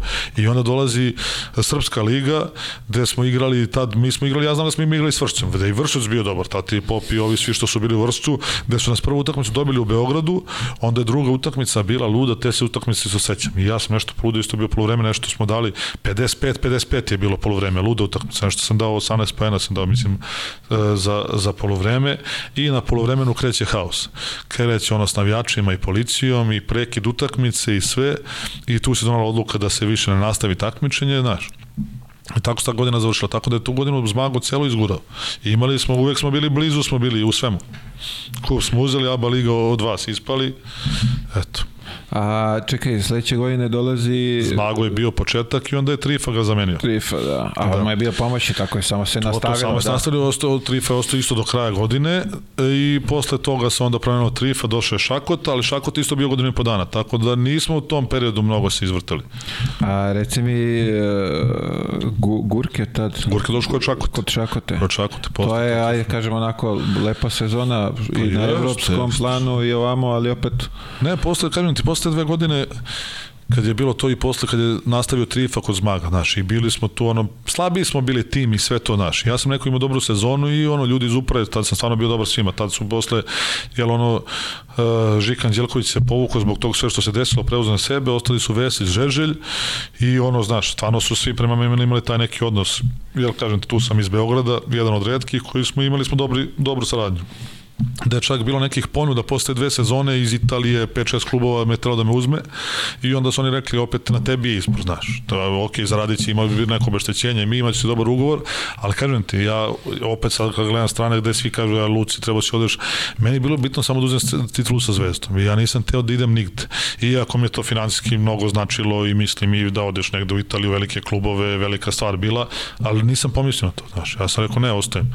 Čak je tu nešto i sa Šaletom na početku, gde ono, znaš, kao pa možda ideš slobodno, znaš, ne, ne nešto ono da dovođeni su neki igrači i sad koliko će imati prosto, ma rekao, nema veze, idemo mi da igramo. I to je bila odlična sezona, to je bila ta sezona kad smo igrali protiv Reala, Unixa i svega, gde Gurke se vratio, znaš, i igrali stvarno u sezonu nemoguću, da je imao prosek neki 35 poena, sve, čak smo krenuli u Lep kup, 5-0, dobili smo Real, sve to i onda smo na kraju ispali, tad je Pera bio. Pera se došao, pa to je Šakot povukao Peru iz Ajeka, Miru Raičevića, uh, Igorom, tada su bio Igor došao s njima, Tadija, tad su oni bili, Tadija, Tadija i Strahinja, to je, ta, to je te godine bilo, znaš, Osto Dragojl, Osto Ajera, nije više bilo Rakca i te godine smo imali dobro, dobar tim, dobro smo se trudili, ispali od Reala, u četvrtfinalu Real tada osvojio Ulep kup, I, to je te godine, beše, ne. I ta smo jasno u Sarajevu kad ste nas svi ubili u polufinalu, kad Gurki nije otišao za Sarajevo zbog tetovaže i svega što je bilo. Da, Znaš, kad smo mi otišli, onda su nas svi otpisali, već da. bili.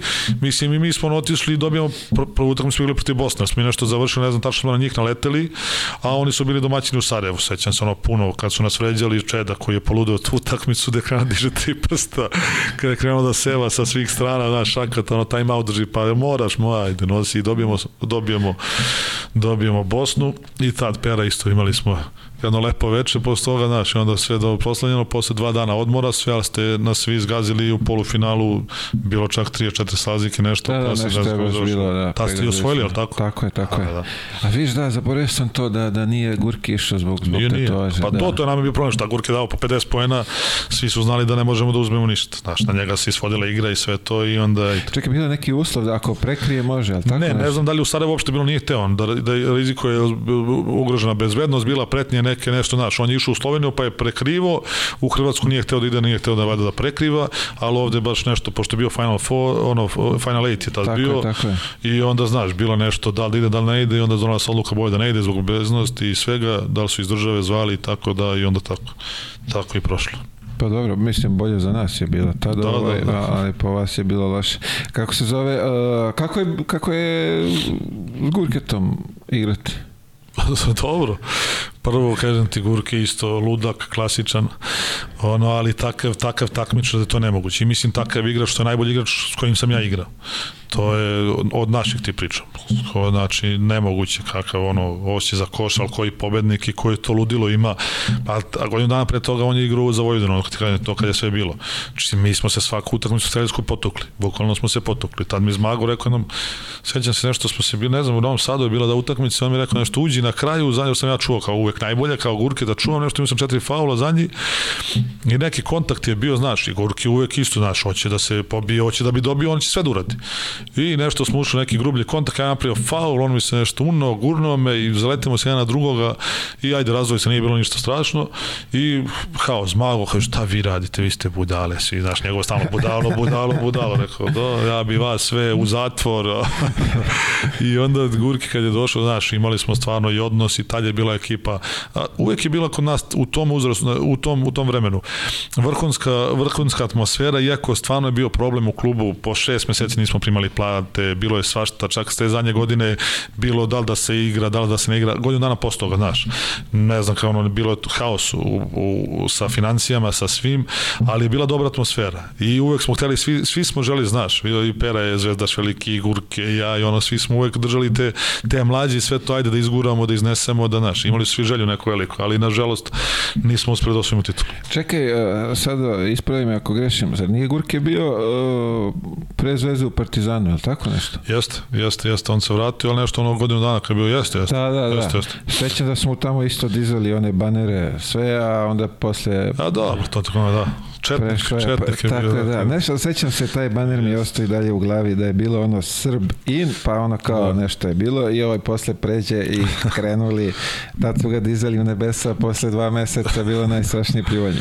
Dobro, to nije Ovo- lako, nije Pa, lako. te lako, se vidi, to je, čak i tada je ovde pričao da to finale kad je bilo 2007. kad im je strpo 40, pa je ovaj pored toga sve što su mu vikali i govorili da... Pa dobro, on je emotivac velike, znaš, njega pogađa, on ne može da iskontroliš. Znaš, to ono što mi pričamo, ja kažem, znaš, i danas se pomisli, znaš, kao ono, kao je treba da bude mirna, mirna atmosfera da bude, ja kažem, svakom igra, ne, po meni to treba da te motiviše, da ti bude, ja ne mogu, ne mogu da poredim to sa, sa onom atmosferom sada, znači ja ti kažem, u tom momentu derbi, ti dođeš, ono, sat i po kad trebaš dođeš pred utakmicu, mi svi dođemo kad su derbi dva sata, gori, znači u, uđeš u pionir, gde se trese svačonica, ja mislim sve propašće neko napušavanje, već navijaju jedni i drugi, je to ne, ja to ne mogu da objasnim nikad. Ne kažem, bilo je ružnih situacija, bilo je ono da kad se pukla tribina isto, ali uvek je nešto bilo više s policijom i sve to što su naši navijači imali problem zvezdini tada. Ja se sećam tog jednog momenta kad je bilo, kad je cela tribina pala. Znači držali smo, ušli smo gore na tribina, probamo da smirimo situaciju, ali ti ne možeš kad krene sve haos i ljudi su krenuli pukle, pukla je ona šipka i krenuli da padaju. Ja sam jednog čoveka držao, le, le, ono zapele su mu noge, bile skroz gore i samo kičmu što mi pale. Držao sam ga da mu ne bi pukla kičma, znaš, a svi su preko nas palo jedno 200 ljudi. Ja. Znaš, bio je bilo loših situacija, ali ti kažem, ali ta atmosfera ne može se promeniti. A gurke nikad nije mogo se iskontroliše, znaš, pogodi ga to, pa on odgovori, pa pokaže nešto ili tako, znaš. A ja ono kažem uvek bi volao više da me i da te vređaju i da ti da da bude zanimljivija utakmica nego onda si u pozorištu, znaš. Meni je to bez veze. A dobro, tad je bio period ovaj, kad je bilo onako učestalih tuča na, na, na terenu No, me, među sve. igračima, tako da... A dobro, nije, nije toliko tad bilo. Nije toliko bilo koliko, kažem ti, kad su bili Tomašević i Gilić. Da, su se tukli stalno. Zato sam išao, ali kažem ti, kad smo mi bili, nije toliko se san- sankcionisalo.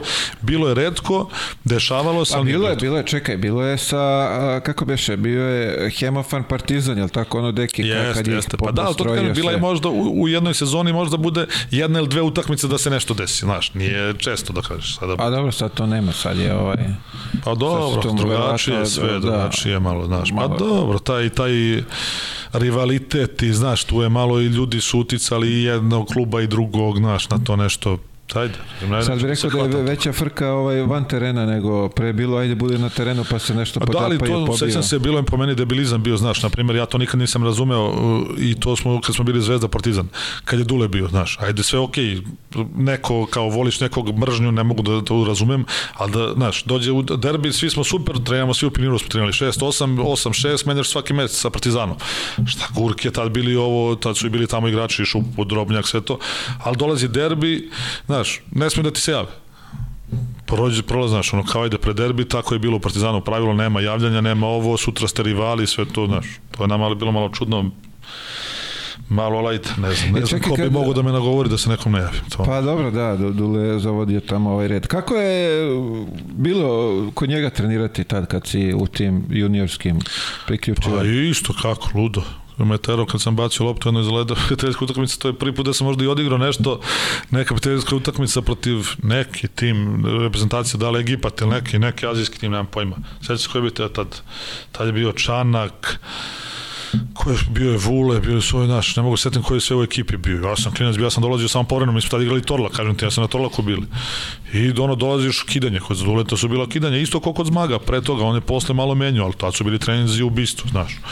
I utakmica ta dešava se, ono kao pustim za njih, ne znam, minut, ono kao ajde ti mali, kao uđi sve to i ja sećam neka kontra, presečena op i bacim loptu iza leđa, mislim baš čanku da je bilo on tako, šta izmena, šta ti glumiš isto svih, šta ti glumiš, šta te rekao više stajeva, sto puta uz tribine, znači, ja krenem da trčim polu vreme, ja trčim dole gore, ko debil, znači ono, publika sedi, gleda, sad kao kreće utakmica, kao siđi, sad znaš, ne, ne, prvo sam trčao, rekao mi je sto puta oko, oko terena, i onda, pošto sam trčao, trebalo utakmica krena i sad u, u, završi uz tribine, znaš, dobro.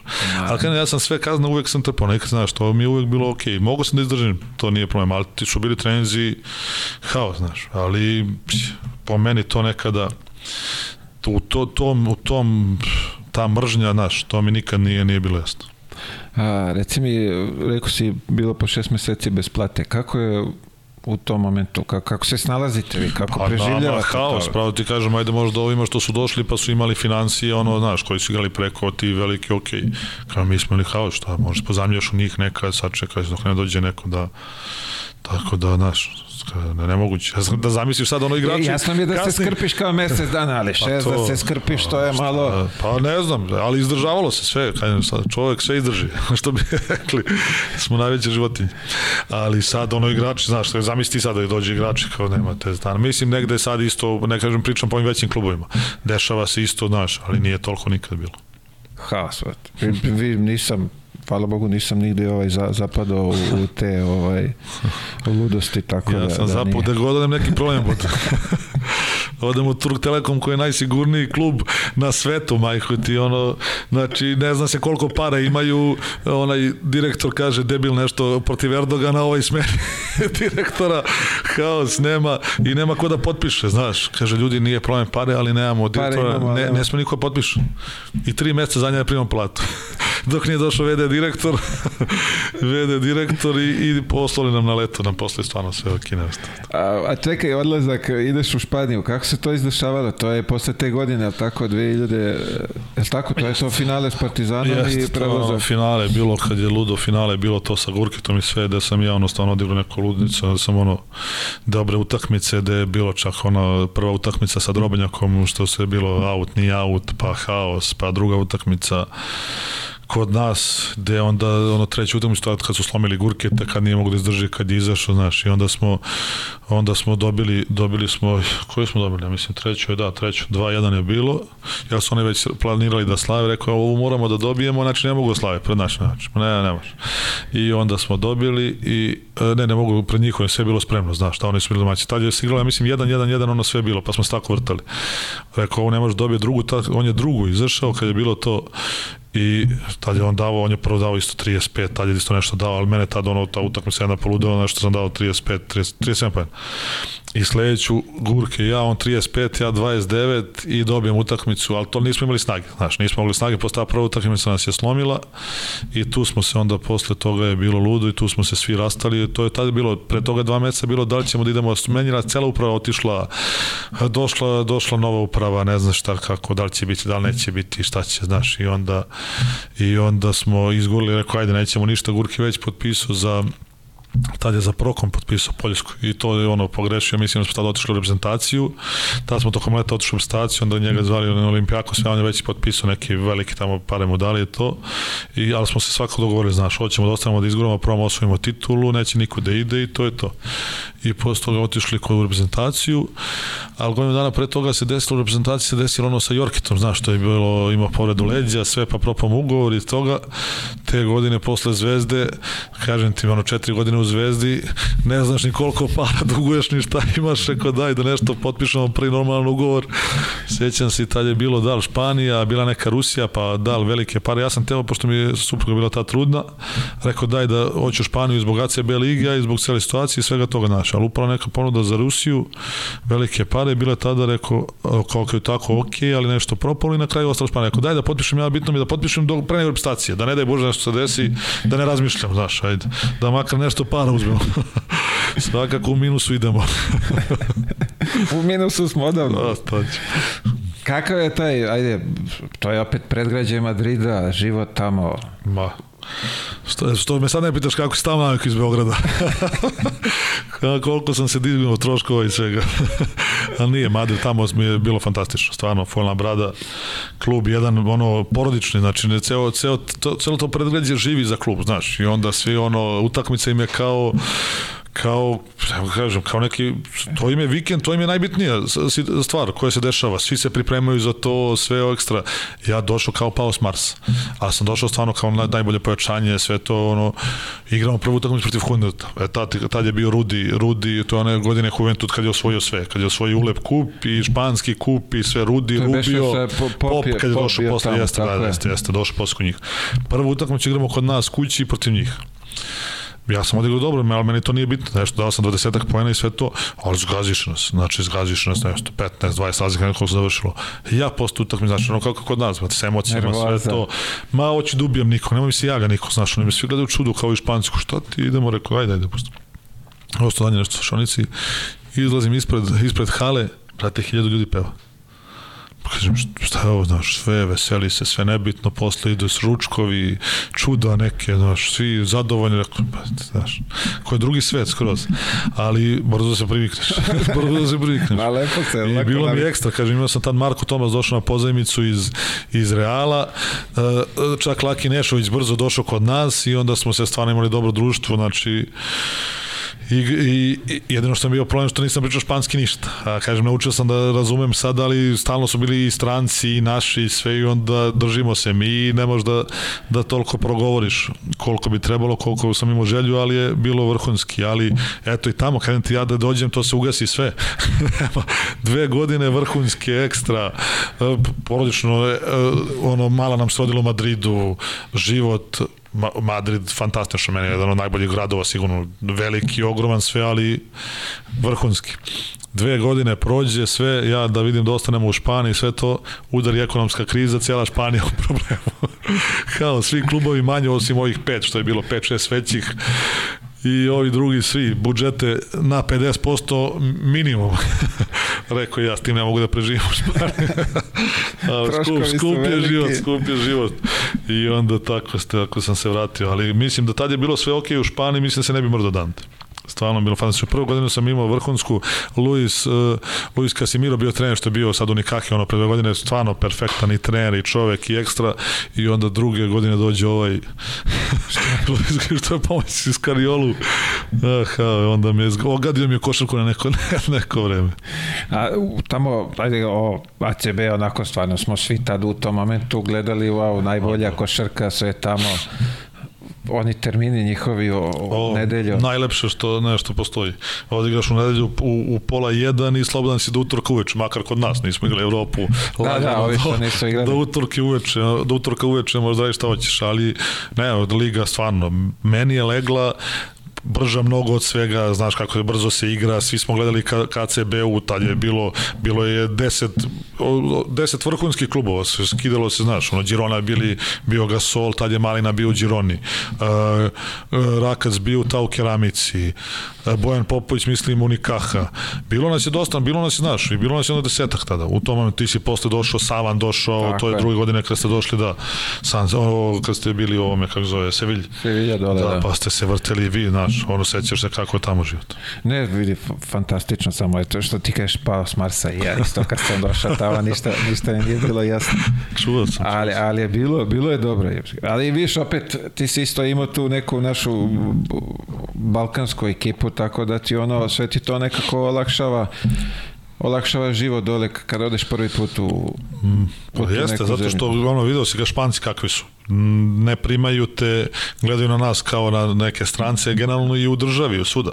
To mene iznenadilo, mislim, nije me iznenadilo, vidiš kakvi su, znaš, ono, misle da su iznad svih nas, to je, meni su tamo mnogo pomogli, tad je Loki bio lončar, tad je mi se završio karijeru svoju i počeo da radi na televiziji sve, tas njegov pokojni Radomir Antić i cela njihova porodica, mislim, od jedne od najboljih ljudi koji sam ikada upoznao i mnogo su mi tad pomogli, pogotovo što meni supruga, kažem ti, bila ta trudna, uh, ono, znaš, nismo znali jezik španski, dobiješ neku onu karticu, mi odemo prvo, prvo odemo u bolnicu gde niko ne priča, ne priča engleski, znaš, Lanu, Lana dođe, neću više ovde, ovde ne idemo sigurno a bili smo sami i kao, razumem ja, i sad mi, eto moramo ispoštovati anegdot, to za, za Laricu, za stariju, odemo sad, ja, ajde ko će da nam pomogne šta, kako nećemo u tu bolnicu, oni kažu mi ne možemo, mi snosimo, platili smo ti to osiguranje i moraš da šta njihove bolnice, ali niko ne priča engleski, kažem, važi, ok, nije problem, u tom momentu ne razmišljaš, dobar ugovor, dobro sve ekstra. I jako Radomira, ono, ajde dajte nam sve, ona spoji sa njihovim tojim doktorom, to je klinika Ruber, ono, najpoznatiji u Madridu, Madridu, ja sam tek poznaš, dođemo mi tamo, ono, haos, sve, doktor, doktor Vidal, to ti je čikica, jedan 75 godina, koji je doktor uh, princeze Španije, Viktorija Beckham, to, a njihov kućni prijatelj, i on porađa samo te bitne. Ja dolazi posle, po, ajde vidio sam ja po pregledima koliko šta, izašli posle porođaja, dođe račun enoga kući, čekam 23 i po hiljade eura, rekao šta je ovo. rekao tako da Larica, kako se rodila, već, već, već ima sad zapisano tamo koliko, koliko Tako da, bilo nam, bilo nam je prelepo, stvarno lepo druženje. Tad je čak i Jokanović bio tamo, nije imao klub, nije, nije bio trener nigde. Imali smo taj neku ekipu, tako kažem, i Divac je bio e, još uvek u Realu, tako da je bilo da, lepo, da, lepo da, druženje. Da, da, bravo, on je Imali bio, smo, šta je bio generalni menadžer, tako nešto? Reala, jeste, jeste. Imali smo to neko druženje u petak ujutru, ono, sednemo, Loki i ja, pa ono, lepo vreme, sedimo prvo kafić, cirka se malo pije se, zakazan uvek petkom ručak za nas, ono Srbe, to Radomir organizuje uvek, tako da je bilo, bilo fantastično. Čekaj, ko je bio u, u, u Realu tada od igrača? Bio je neko tada... O... Nije bio niko, došao je kasnije, te posle je došao Jarić kad je došao, kad se vratio iz NBA. A od naših tad nije bio niko. Zar nije bio Blagote? Blagote Sekulić bio tada? Nije bio Realu, bio je, bio je, gde bio tada? Bio je ono, tad su bili Varda i Tomas pre toga, znaš, kad sam ja prema što sam otišao, dok smo igrali Zvezda, protiv njih bila. A mislim da Blagota nije tad bio u Realu. Jeste bio u Španiji, možda bio, posle, možda, da. ne, ne, posle, posle ne mogu povotam više Jeste, koje. pa da, ja ne znam koje godine, ne znam ja gde sam bio, ne. A, povratak u Zvezdu? Da, kažem ti, ja, meni za Zvezdu to je neka moja da li sad reći ono neko, neko zove man, ali meni je to uvek bilo da kad god mogu da pomognem da budem tu, uvek i neka ostala želja da ne osvojim naš i uvek neko nadanje da će biti bolje, ali ja uvek kad dođem sve katastrofa.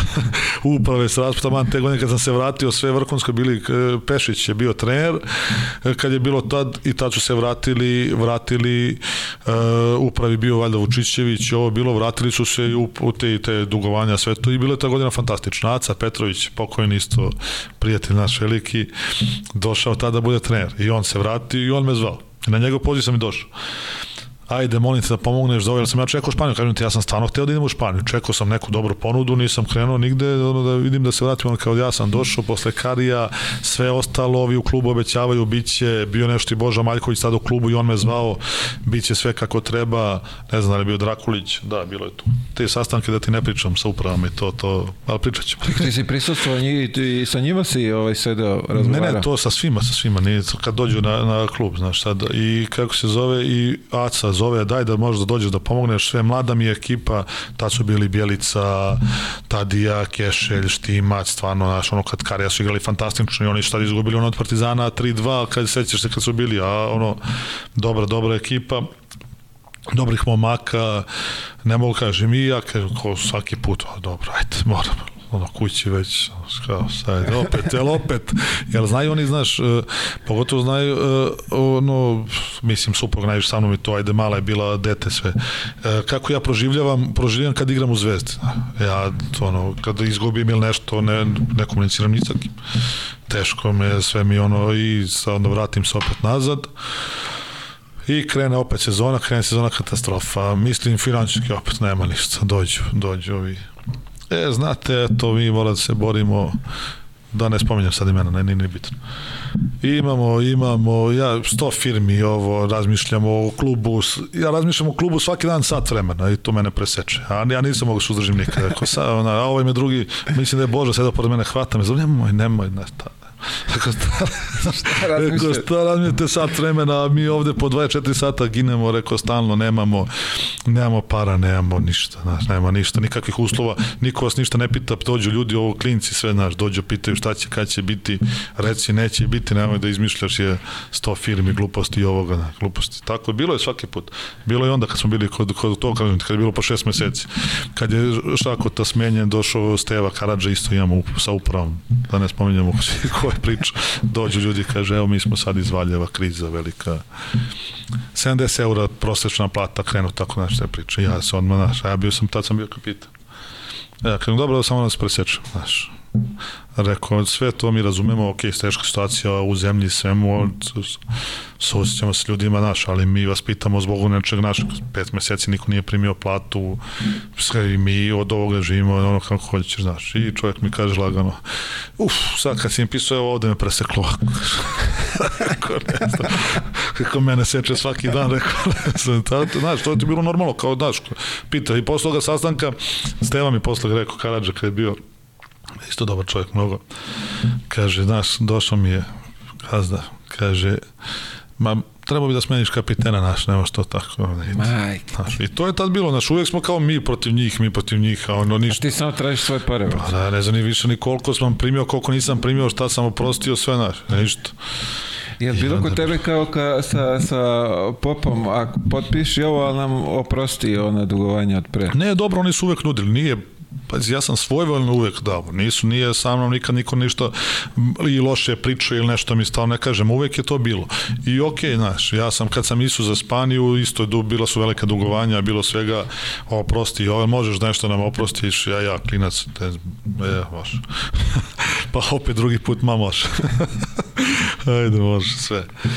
Zato ti Zvezda, ono, mi je velika, velika moja neka ljubav i sve to neostvaren cilj što nisam osvojio titulu, ali eto. Mislim, ne kažem, nisam ja u Zvezdu dolazio ni, ni zbog koga od njih, niti me interesuje i kogoda je u Zvezdi. To ono što ja pričam ljudima, je ne, ne, ne, što ljudi kad dođu tu misle da su oni Zvezda. E, to, to ne mogu da shvate. Zvezda je nešto iznad svih nas. E sad, kako se ti osjećaš, ti radiš zbog sebe. Ja sam sve radio onako kako ja mislim i zbog svoje neke želje. I, iako to jeste bilo protiv, naš, ja ne, ne volim da priznajem nikom ništa, ali radim protiv sebe, ali radim zbog to je neke svoje stvari, kao što nešto drugo isto radim zbog nečega i tako imam i ja mišljenje oko toga. Ko je bio u, u trener u tom momentu kada si došao? Gde? U Zvezdi. Kad, zadnji put? Da. Ovo, pa rekao sam ti Aca Petrović, sad kad sam se vratio. Aca, Aca, bravo, ali bravo, on brzo otišao, ne brzo, na polusezonu u decembru je otišao, e tad je bio isto haos, znaš, u klubu raspalo se, navijači su bojkotovali, znaš, a ja sam došao sa Špan, iz Španije, znao sam da je bilo bojkotovanje, da nešto je bilo, znaš, tad je Kikanović je bio, pa da li je zbog Kikanovića, a, ja, što da. je musliman i znaš. I ja kažem, stvarno imam, to su mi dobri drugari i navijači i sve, mislim, ali nevezano s tim, znamo se mi ceo život i ja ono, nisam volio nikada da povezujem i košarku i moj prijateljan život i to nikad niste ali samo u tom momentu, znaš, ono, čuli se i oni, ne kažem stvarno, i navijači su uvek bili šta treba, zovi nas, šta god i uvek, ja s tom momentu samo ih pozvu, seli smo bili da vidimo situaciju kakva je bila i nije to bilo uopšte, ni, ni zbog Kikanovića, ni zbog čega, znaš, i sad to, oni nisu izveli da dolaze na utakmice zbog nekih svojih stavova prema toj, toj upravi, ABA ligi, uopšte sve i to su bili tad njihovi stavovi. I oni kažu, mi vas poštujemo sve šta treba, pomožemo, naš. I tako da da, je te sezone bilo i bez navijača, igrao se Eurocup, ispali smo nešto, bili posle trifa, zamenio Acu, isto smo na neku loptu ispali, bi, nešto pred kraj bilo. Trifa mi to isto nikad, nikad nije oprostio utakmicu, ali to je bila prva, pred, ne, ne tada, tad sam nešto promašio, sam u zadnjoj sekundi, tamo smo dobili sve, ali pre toga, Trifa, sad vrti mi se, znaš, ne mogu se pohvatam ono kad je šta bilo, ali sad kad sam spomenuo, kažem, ja Trifa su uvjet ugledati toga. One godine kad smo bili prve kad je on nas, nasledio Zmaga i tada je Višnjevski je bio onaj uh, belac uh, play, znaš, Tako je dobar, je, da, da, dobar da, igrač, igrao svuda po onim velikim klubovima posle i bio on play. I mi smo tu nešto utakmicu imali isto protiv ko je, da li je bio iz Poljske, ne znam da li je Vroclav ili Slask, ne, neko od tih, ne mogu da se setim ko je bio. I nebitno, i dobiju nas u produžetku, u produžetku u Beogradu nas dobiju. Neki crna sam dao 30 nešto poena, zvekne neku trojku, ja nisam da napravim faul, mislim da ja čuo, nisam da napravim faul, da trojku i dobio nas na produžetki haos. I sad mi sve se zavrtilo, to nam bila zadnja utakmica tamo kod njih, da moramo da pobedimo da bi prošli u dalje, dalje krug i mi gubimo nešto 15, nešto, desetak, 7, 8, smanjamo nešto i ja uhvatim ono moje nešto na kraju i polu, poludim i šutnem dve trojke s 10 metara i dam dve trojke i vratimo se mi tu na pola koša, op, op, op. I zadnji napad, pola koša, oni vode i napravi faul, imamo zadnjih 10 sekundi i sad trifa, taj malo crta, Dragojlo izvedi, Višnjevski lopta, uzmi da završi do kraja, ja Dragojlo ne može. Kako je Višnjevski rekao, ajde sad ću onda završiti, ja kada daj loptu. I ja predriblam i šutnem i sam mislim 11-12 metara. Kad sam je opalio i za u prvi obruč. Tako da nije, to je bilo stvarno, kaže, ma ne bi pustio nikad, kaže, da, da, mi završava Višnjevski, ne može, ali tripa, ne bi se složio kao trener, možda ja sad iz ovog ugla, ali tako da je bilo, bilo je svega. Čekaj, bilo je tu dobri bre stranaca u, u tom momentu, u tim godinama kad si ti bio bre, ko, ko ajde kažem, neki najjači sa ko stoji na tebe, koga? Ne, znaš ko je bio, bio je Kačakota kad je došao te godine, znaš, i tad smo, ono kad je Gurke došao, mi smo ozbiljan tim napravili, mislim, ne mi, oni su napravili ozbiljnu, ozbiljan tim. E, Vrbica Stefanov je potpisao za nas koji je tad bio do najboljih pleva. E, on je otišao ali on posle utakmice sa FMP-om, gde smo izgubili produžetke, već je pre toga ima neke ličnih problema i on je napustio, rekao, ja ljudi ne mogu, ne treba ni pare, ništa i, na, i tad je i prestao da se bavi košakom. Gde to nas ono na, upropastio glavni play, znaš, i pogotovo Šakota nije mogao da dođe, šta ćemo sad. Pa tad sam se ja prebacio na mislim sad čak prvi put počeo da igram play. I igram slučaj. A morao sam da se, da se igram i dosta sam igrao tad play od te godine. Ali je došao Billy Thomas. To mi je možda jedan od najboljih od pa u pet najboljih stranaca s kojima sam igrao. I on je odigrao perfektno, sve to polusezonu otišao kući i rekao, ne mogu više, se bavim i posle trener. da, je, baš. Tako da je bilo. Posle onda kad smo zajedno igrali Omar Tomas, ona nam da, da, da, da, da, druga naš pokera, sve si nas navuka na poker, majka, i crnca e, si odvukao u Žarkovo. Ti si, je, ti si bre, kako kao... se zove ove vuko na, na, na, u kafanu, bre, ja sam, kako se zove na ove turnire. Ovaj, uh, srećemo se ja i ti U Železniku, je li tako? Jeste FMP. To je, to je te, posle te sezone kad je ono nešto bilo posle, muka... Posle, posle te sezone, tad je bio haos. Tad počeli smo pričamo, znaš, prebacujemo se, ajde kao da nešto ne zaboravimo, ali ne veze da se vratimo na tu temu. Trifa menja Acu, Acu Petrovića. E, ta sezona, svi klinci, Bjelica, e, Štimac, Kešelj, Znači ja sam najstariji, mislim ubedljivo, crnci su nam svi otišli, ne znam da smo imali stranca. Bio, bio onaj jedan, po, Pokido je prednji ukršten, ne mogu se kako zove, Tršavi, mali, bio onaj brzanac, Mike, tako nešto nebitno. I povreda nam se i crnci, sve ostano bez toga. Uh, Oliver Stedić posle mene najstariji, kažem ti Kikanović, Štimac, Bakić, uh, Tadija, dobra ekipa. Tadija je posle otišao u Romu na polusezon. I dobra ekipa i dolazimo mi opet u staciju nema para pet meseci. Haos. Znači, staćemo, kako ćemo, menja se uprava, došao ono Trifa, došao Lale Lučić, Mirko Pavlović, dogovaranja, znaš, i oni ljudi ne znaju šta će, njih lažu, nas lažu, obećavanja neka. Tad sam se i ono s Mirkom nešto posle te sezone i, i, i, i mislim nismo se ajde zakačili, ali nešto je bilo obećanja, sve to i onda smo se uh, razišli u tom momentu. Jer je bilo ajde odradite ovo, E, u tom momentu je bilo, isto zbog Trife sam na kraju prelomio da ostanem i zbog cele te ekipe, su bila dobra ekipa momaka. Dolazimo pred Srpsku ligu, para na vidiku nema, pet meseci niko nije primio, igrali smo dobro te godine, svi dobro. Imam ja ponudu od Bešiktaša, neku bolesnu nešto, ne znam, tad mi Marko Jelić, ovaj drugar moj, koji mi je menadžer i sve to bio, zove, kaže, nemoj, molim te, znam zvezdu i on je isto zvezdaško, ja ono, znači, sve razumem, ali ovo tvoje, znaš, nisi uzao pare, nisam se naplatio, ne znam, primili jednu platu do tada, haos. I Bešiktaš nešto, Četmen ludi valjda doping, ovaj drugi se povredio, nešto tako, bilo, nema nijednog playmakera, kao ćete na playu i ne pitaju nešto, mesečno, ne znam, 60-70 hiljada, znači, ja te pare, nisam toliko za te pare, nisam igrao ni. I ja ono, kao razmišljam, ostalo još dva i po meseca i plus playoff, znači para koliko hoćeš u Zvezdi ne znam koliko, da sam jednu platu primio. Kući, ono, lana hoćemo upije, kao, sajde, ali to razmišljamo, ostajao s Trifom, Trifa kaže, sve ti odluči, situacija, Bjelica ima ponudu da ide, Štimac ima ponudu da ide, uh, ne znam, i Kešu se nešto lomilo, kaže, šta ćemo, ćeš da ideš, da, ako ti odeš, raspo se ceo tim, a ja ne mogu da te zadržim, ali kao da te zamolim.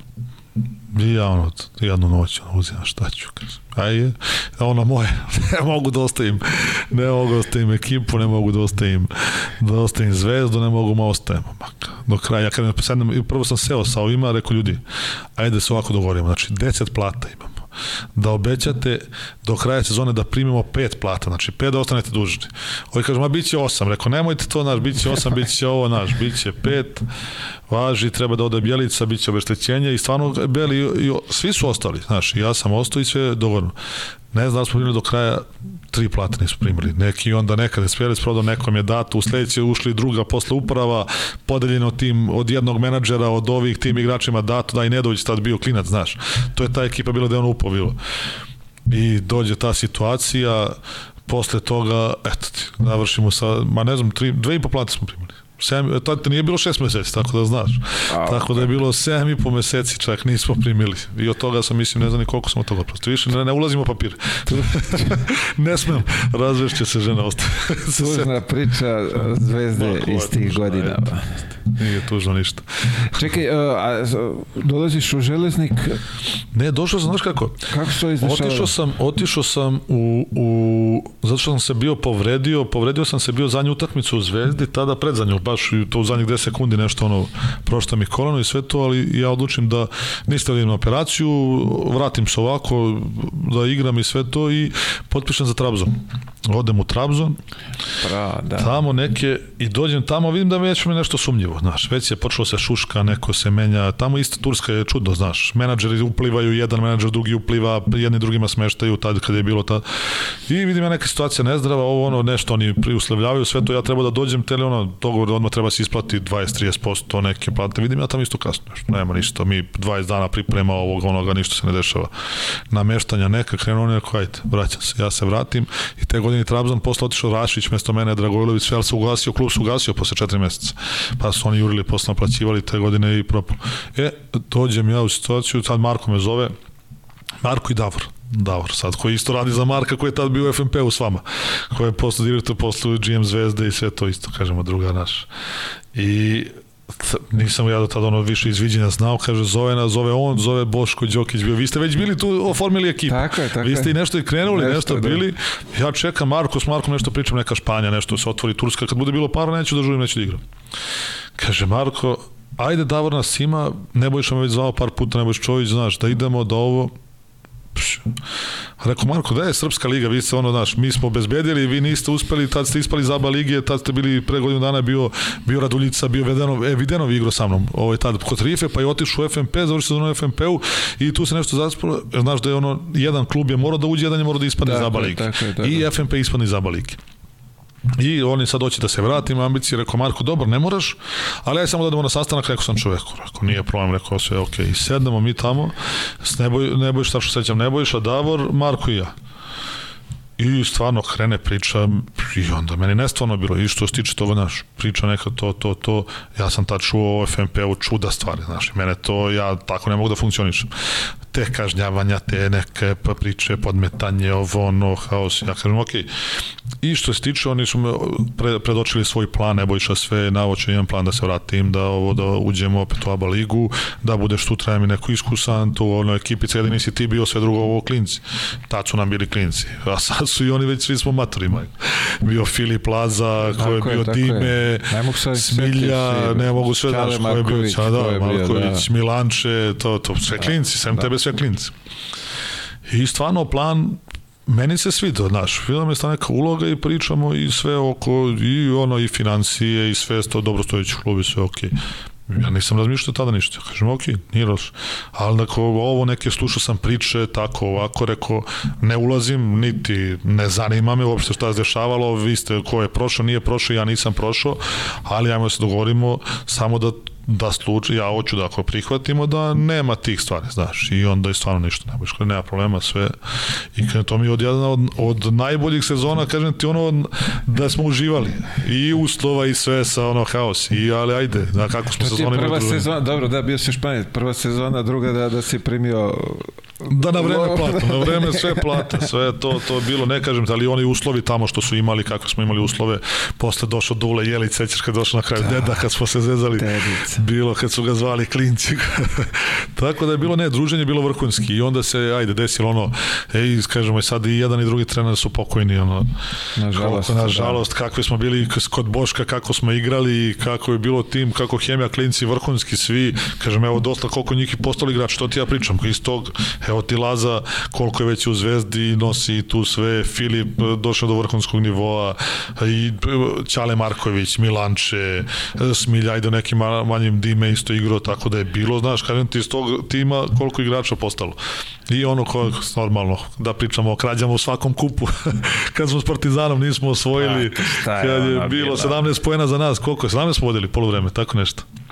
617. Ne mogu se setim I haos bilo posle, bila. ali pa Partizan nikad jači, šta, Gist, uh, Gerals, Veseli, Mačvan, ne znam ko nije igraš.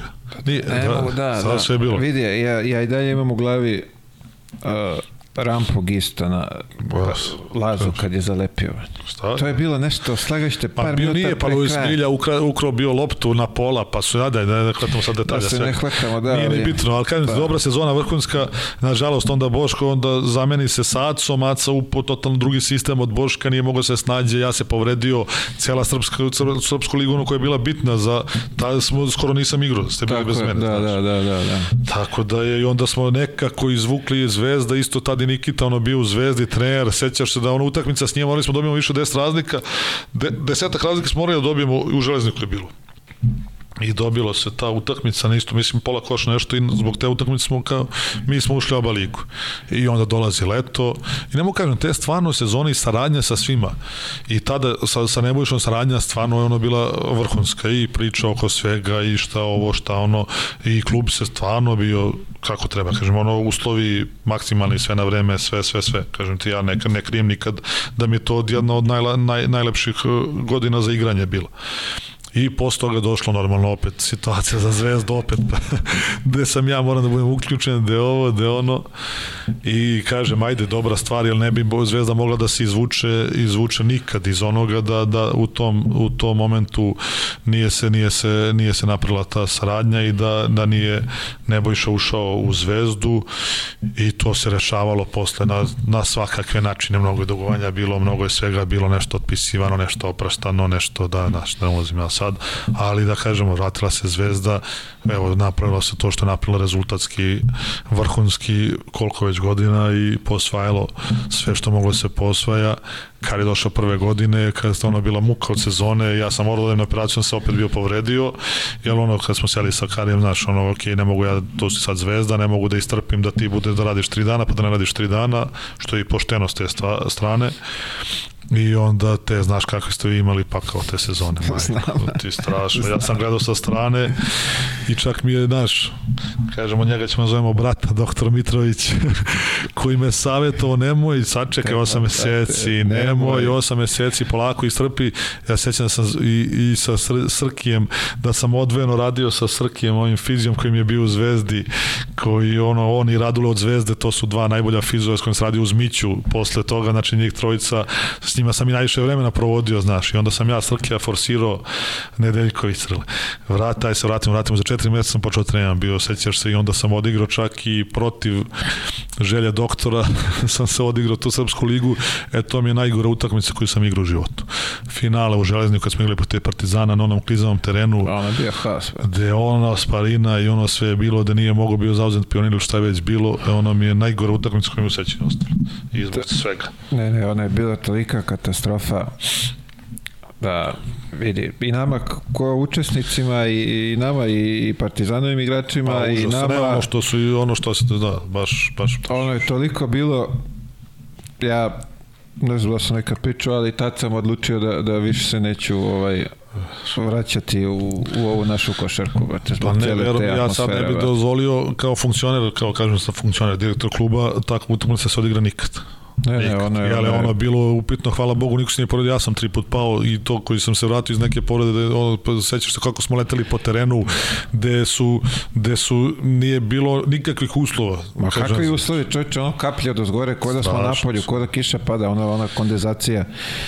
Onda može stane brat bratu jedno hiljadu i, i po ljudi, a taj dan je bilo, ja mislim, 4000 Tako smo to završili. Eto. Užasno, da, nažalost. Ovaj, dobro, da, ali kako se zove, ti si bio, kako je Nebojša rekao, vidjet ćemo od ovih igrača ko je dobar temelj za dalje. Ja nisam bio ovaj, kvalitetan, a ti si ostao još koliko godinu, dve. Još godinu dana, još godinu dana.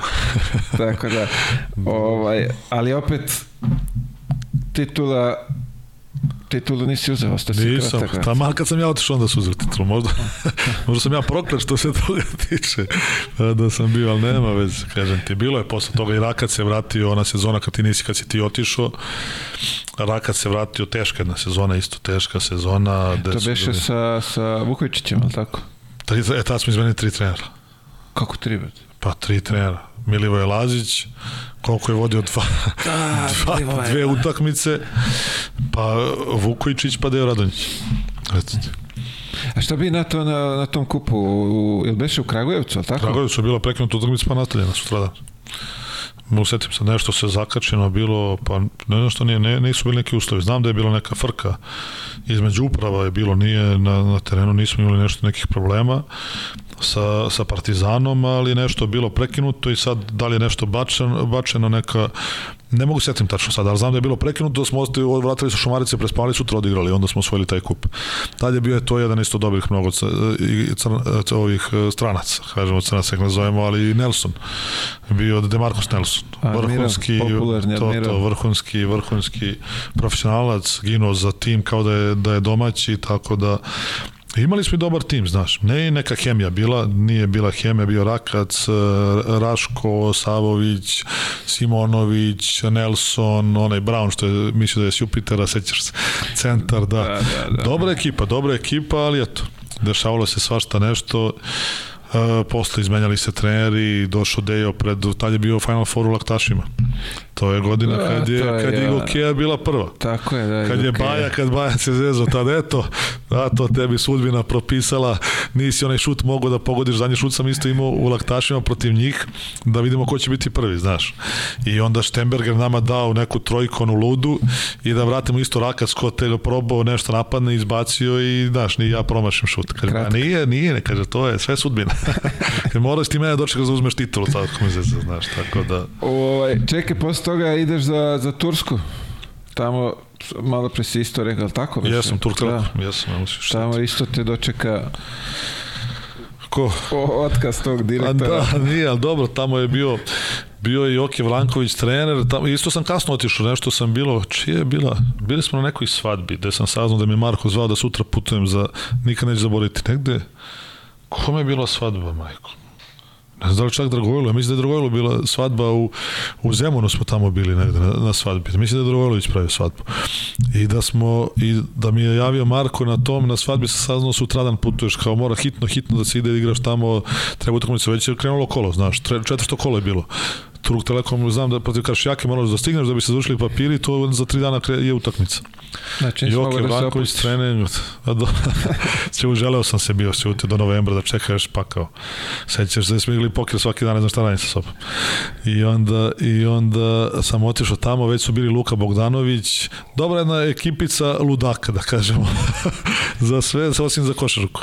I uh, Kerem Tunčeri, koji je bio Husein Bešok, uh, Joshua Šip koji je došao iz Efesa, koji je bio ništa sem onog igrača sa Efesa.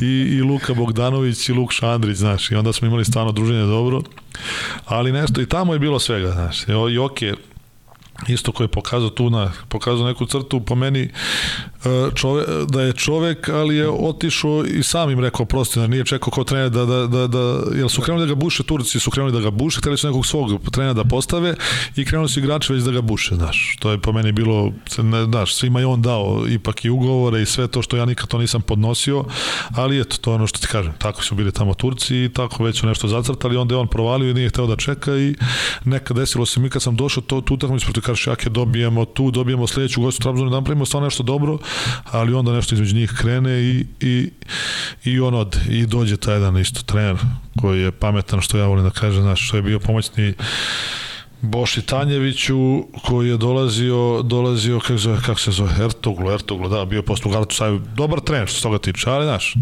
voli nešto kao da pametuje, da glumi mangupa, da on kao glumi neko autoritet, a ono proliš da je sve šuplja priča. Priča nam sve će vas ostavim, sve će ja mu rekao jedno, znaš, ako ma lažu šta im. Nešto početu me on sklonio, nisam nisam igrao neki 4-5 utakmica do nekog drugog igrača, posle imali smo svašta, ali ja kažem, pro- provališ ono, znaš, odmah, ako ostavit ćeš sve, rekao, nećeš ostaviti niko. Nijednog igrača nije ostavio. Sve sklonio. I sklonio i ove što su ga sve, dole. Sve, te oni su posle prešli, ovaj, dobro, Kerem je, Kerem je ono, završio, ne znam da li tad završio te godine ili otišao, ne, odigrao, posle je otišao da li Galata ili negde odigrao još par sezona Efes, ne znam da se vratio se negde bolje i završio karijeru sad je tamo i u Savezu i Husein Beškog i u Savezu, znaš. I do, ali ovako je bila vrhunska atmosfera, dobri su oni, uvek smo se ono zezali s njima i ono, vole, vole da popiju.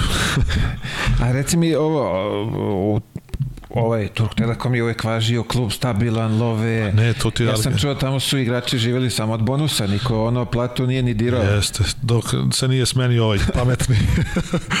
ja kad sam došao, znači to ne možeš da veruješ da ti, da ti objasni zato što taću. Ja dođem i ta prva utakmica isto je bila, igrali smo protiv Kršijaki. De, de, de Kršijaka te godine, da čak i mislim da je možda osvojila titulu kad je ono bilo sa Saridžom, Dixon i sve to. Aha, I meni Joki kaže, ti mi trebaš za toga, znaš, onih tvojih, bi se reklo, muda, ovoga, onoga, moraš da ga izbaciš konda, rekao, ok, dobro, ok, ali nisam ja više onaj što sam imao 20 godina, 30. Ne, ne, sve ok, možeš ti, i oni mi daju stvarno Dixona, maloga, da on je ubio, dao 30 pojena, dao, čuje njega. Kažem, dobro, ok, je došao, bez, bez treninga, znaš da smo trenili kod Ace Matovića, gore smo tada u Žarku, ono igrali 5 na 5 dok nas je bilo, dok nismo imali klub, nisam u ozbiljnom treningu bio ništa. I ja ga uhvatim, nisam mogao šta ću. I onda sam ga naprljavo tuko prebio i onda je on se iznervirao i izašao i nije da igra. I onda smo prošli, dam neke tri trojke, nešto me ukenjalo bilo, dam tri trojke, dobijemo ih 20 ih dobijemo. Odemo, dođe, znači, hao, znaš ti je to slavlje. Ja sad ulazim u slačionicu, taj board iz Turk Telekom imaš koji ode za sporta, imaš te glavne, ali to ne možeš da pohvataš, imaš 10 direktora. Ja sad te, to glavnog sam jedno upoznao, taj nije bio nikad dolazio, taj je kao onaj glavni, s njim niko ne priča, tako ti u Tursku. Oni koji su na vrhu, oni su na vrhu, 20 njih trči, palim cigare i te gluposti. A ovi ispod ima tri direktora koji su zaduženi za klub, znaš, oni uvek se raduju s tamo, oni su uvek oko kluba. I sad dolaze njih dvojica, dolazi njih dvojica i pored njih još njih pet. I ulaze u šanicu i sad nama viču Huse, ovaj Bešok i, i, i Kerem samo viči duplo, duplo, duplo, rekao šta bre duplo bre. Mar čuti viči, nemam vremena da ti objašnjam važi. I sad mi ono kao slačionici i kao da bacamo ruke i krenuli duplo, duplo i sad mi vičemo si duplo, duplo, znaš. I, i samo čuješ predsjednika duplo i on si, a, rekao, a šta je duplo? Pa bonus i ludače, kao šta ti? A, rekao, u ekstra, sad vičemo samo duplo, duplo, važi. Dođe sledeća utakmica, idemo gostovanje, gostovanje Trabzon. Trabzon je tad bio jak, to je kad su se vratili posle naš, ušlo dobrih igrača bilo i tamo ih iznenadimo. A ja prve te dve utakmice odigram nešto bruka. To, tamo sam posle dao 20 poena, već ušao neki ritam, Kerem ih isto ubio na kraju, ali tamo dobijemo gusto. Vraćamo stvari utakmicu kod nas, uh, to, to nema niko, to nema, kod nas nikad nisi video. Pred utakmicu ono pozdravljanje igrača, dolazi njih desetorica na klub, nema veze što se mi treba da izađemo sad kao tim, ne, desetorica kao kupite se ovde, kao naš, mi pričamo kao sad ovo ste zaslužili, pošto imaš, tad je bilo, na, kad kući dobijaš 700 dolara, ja mislim, a u gostima 1000 i dolara i onda ono, ove dve vam dajemo duplo, sad dobijemo sve ide troduplo, ja više ne mogu da sračunam šta, koliko para, šta treba da dobiješ. I došli oni pred utakmicu tad s tim nekim trećim timom kao, sad ovo dobijemo sve troduplo, znaš, pred izlazak, no, znači, ne možeš da veriš ko je, na, mi gde smo živjeli, ima taj park Koran, to ja kažem posle Španije, nam bilo fantastično. Tu je ono, Larica već imala pet godina, nama je tamo bilo milina. Znači, za život je stvarno, kažem, klub i kažem, takav klub koji ono kaže da je jedna čak od najbogatijih firmi, ne u Turskoj, nego ne zna se, znaš. I ovaj, posle dođe i sve bonuse, sve ništa nisam primio, ništa. Da Čekaj, za, za, stvarno ništa nisi dobio od tog duplo, troduplo? Dobili smo možda dva bonusa, ta prva i ovo posle ništa. Cele sezone samo se ćutalo da se, da će klub da ostane, da će ovi, ne sme niko ništa da pita, niko više bonus nije spomenuo. Pa ne možeš da veriš. Ja ti kažem da god odem u gasio, mi ne da bože. A, u. Samo zbog toga što je pa dobro, tamo, tačno. Da, naravno, šta će. A, kako? Tad su bili tamo neki izbori, ja mislim, pa ono, ali znam vidim kako su Turci bili, znaš, nije smelo da se priča ništa, ono, ne sme da se kritikuje i ne znam da li ovaj negde, da li u nekim novinama je dao neki tekst protivno vlasti i Erdoganu i sutradan bio sme i para po i bonusa i svega i svega. Eto. A, a liga kao liga? Pa liga mnogo dobrih igrača mnogo dobrih klubova ali divlje sudije katastrofa, nešto, znaš, tako da ništa, tad je Savan bio u Efesu, sad onda bilo bilo stvarno dobri klubova, bilo ozbiljnih klubova, ozbiljnih para, tad su bili pare više nego u Španiji, tad su išli u Tursku. Bili čak i duplo nego oni manji klubima u Španiji tamo, zato niko nije teo da ide u Španiju. Kaže, tad je da su ovi lokalci preplaćeni, iako ne, ne znaju ništa. Šta, došao kod nas, dečko ne zna, centar ne zna levi dvokorak ima 200.000. Ne zna da uradi dvokorak, ne zna ništa. Šta ćeš, moraš. Moraš da imaš određen broj turaka i to ti. Znači, samo visina i... Samo se rodi. Au, ha, havarija.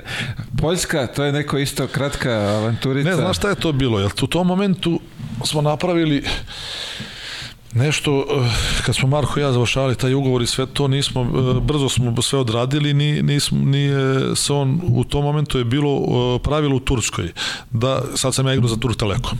I sledeće godine treba pređem u drugi klub. I ako nemaš klauzulu u ugovoru, to su oni glupo stavili u Turskoj, da ja sad ako pređem u drugi klub, znači taj klub mora da plati Turk Telekomu ceo moj ugovor od prošle godine da bi mogo da me dovede a to su jebi ga mi smo na brzinu uradili ugovore, sad su oni znali stave klauzulu nema tog, nego obeštećenje 30.000 lupa. Da, da, znači umesto da, da, 200.000 da. platit ćeš 30.000. Koja je to logika? To, to. Taka su pravila bila, to se promenilo posle neku godinu, ali ja zato nisam mogao da se vratim u Tursku. Ja, ja sam tada imao želje, sam, si... ne, ja sam želeo da ostanem u Tursku do kraja zbog finansijskih stvari, da, pogotovo da, da. tamo život nam bio ekstra naš. Imao sam tamo nek, i bio sam blizu nekog čak je teo, tad je bio onaj kako zove, Istanbul IBS, ili kako se već zove, znaš, to je bio, bio je posle i Klobučar i ovo te godine porasto, to je kao e, policijski klub su ga zvali. Aha, aha, aha. I oni su imali para mnogo i oni su na momentu hteli da plate, ali im je bilo previše, čak su pričali s Turk Telekomom, ali tad je bio dao taj ten ili šta je već bilo, taj smanjite na pola, evo platit ćemo vam pola i ja kažem ok, meni smanjite od mog ugovora i da dođem, znaš, ali nisu se dogovorili i nisam otišao.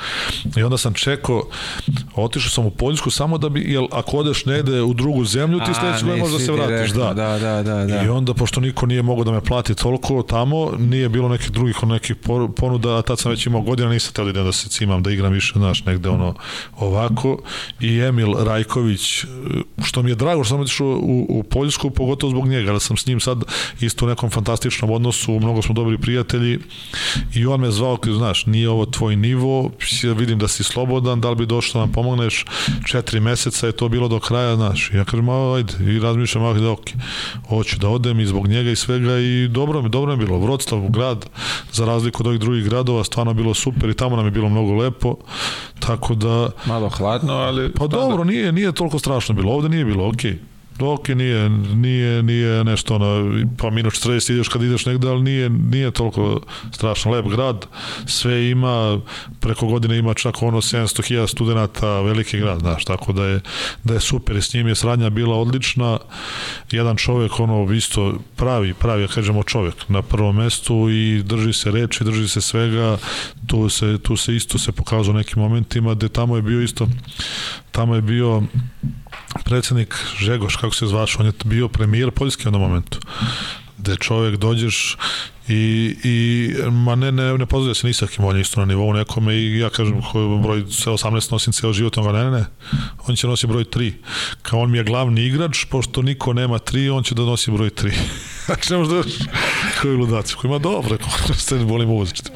I onda u jednom momentu je sa Emilom, Emil me tu pokazao stvarno, ono, kažem, lice.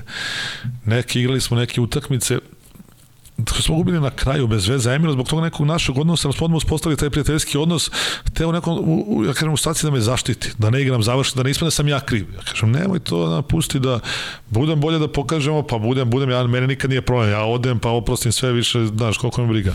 I došao moment neki da ga je on zvao, taj Žegoš na sastanak, gde su oni raspravili to, posle pričam i ovo još jedan što je bio s njim kaže, Žegoš kaže, ovog se zove, on je najgori igrač. Meni kaže, ne, on je najbolji igrač, ovaj najgori, on je najbolji, posvađaju se tu sve. Kaže ovako, i posle to Emil meni pričao, dao mu ultimatum.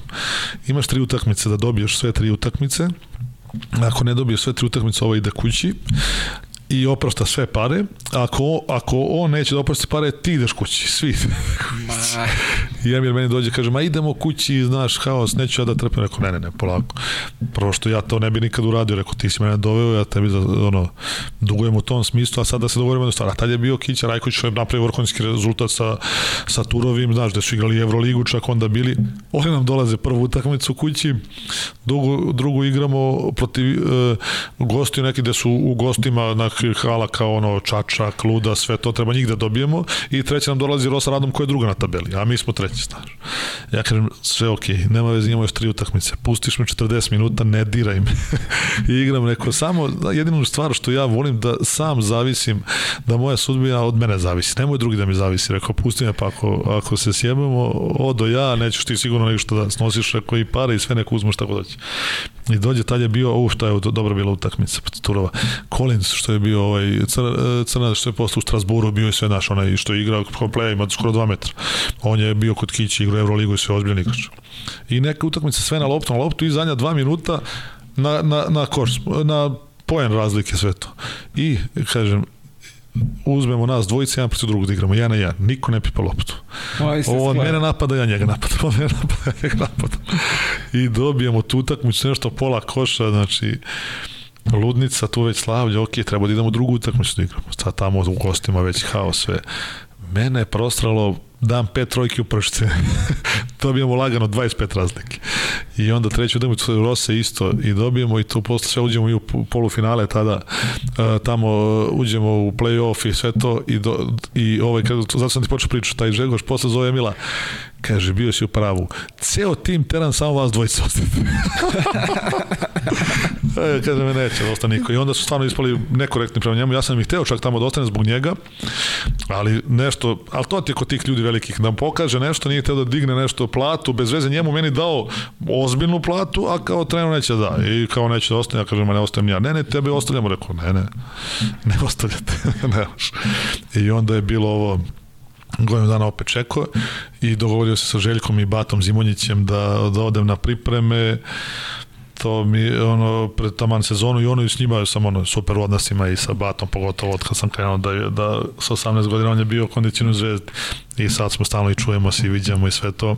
Sa Željkom sam mislim dobar isto i on je vrhunski tip kažem ali su me odveli tamo i oni su rekli pomoći ćemo ti posle prođe da se vratiš u Tursku znaš budeš kod nas priprema odeš pripreme i oni znaš pa ti pomognemo da nađeš klub I tu je posle došao Pero, Pero je Antić bio i Udo Honaj, nas trojice jedini koji su stariji, svi su drugih reprezentacijama, nema nikoga. Sve drugi ovi klinci, to su dobri, ono neki bili posle, ono, i sad igraju tamo dobro.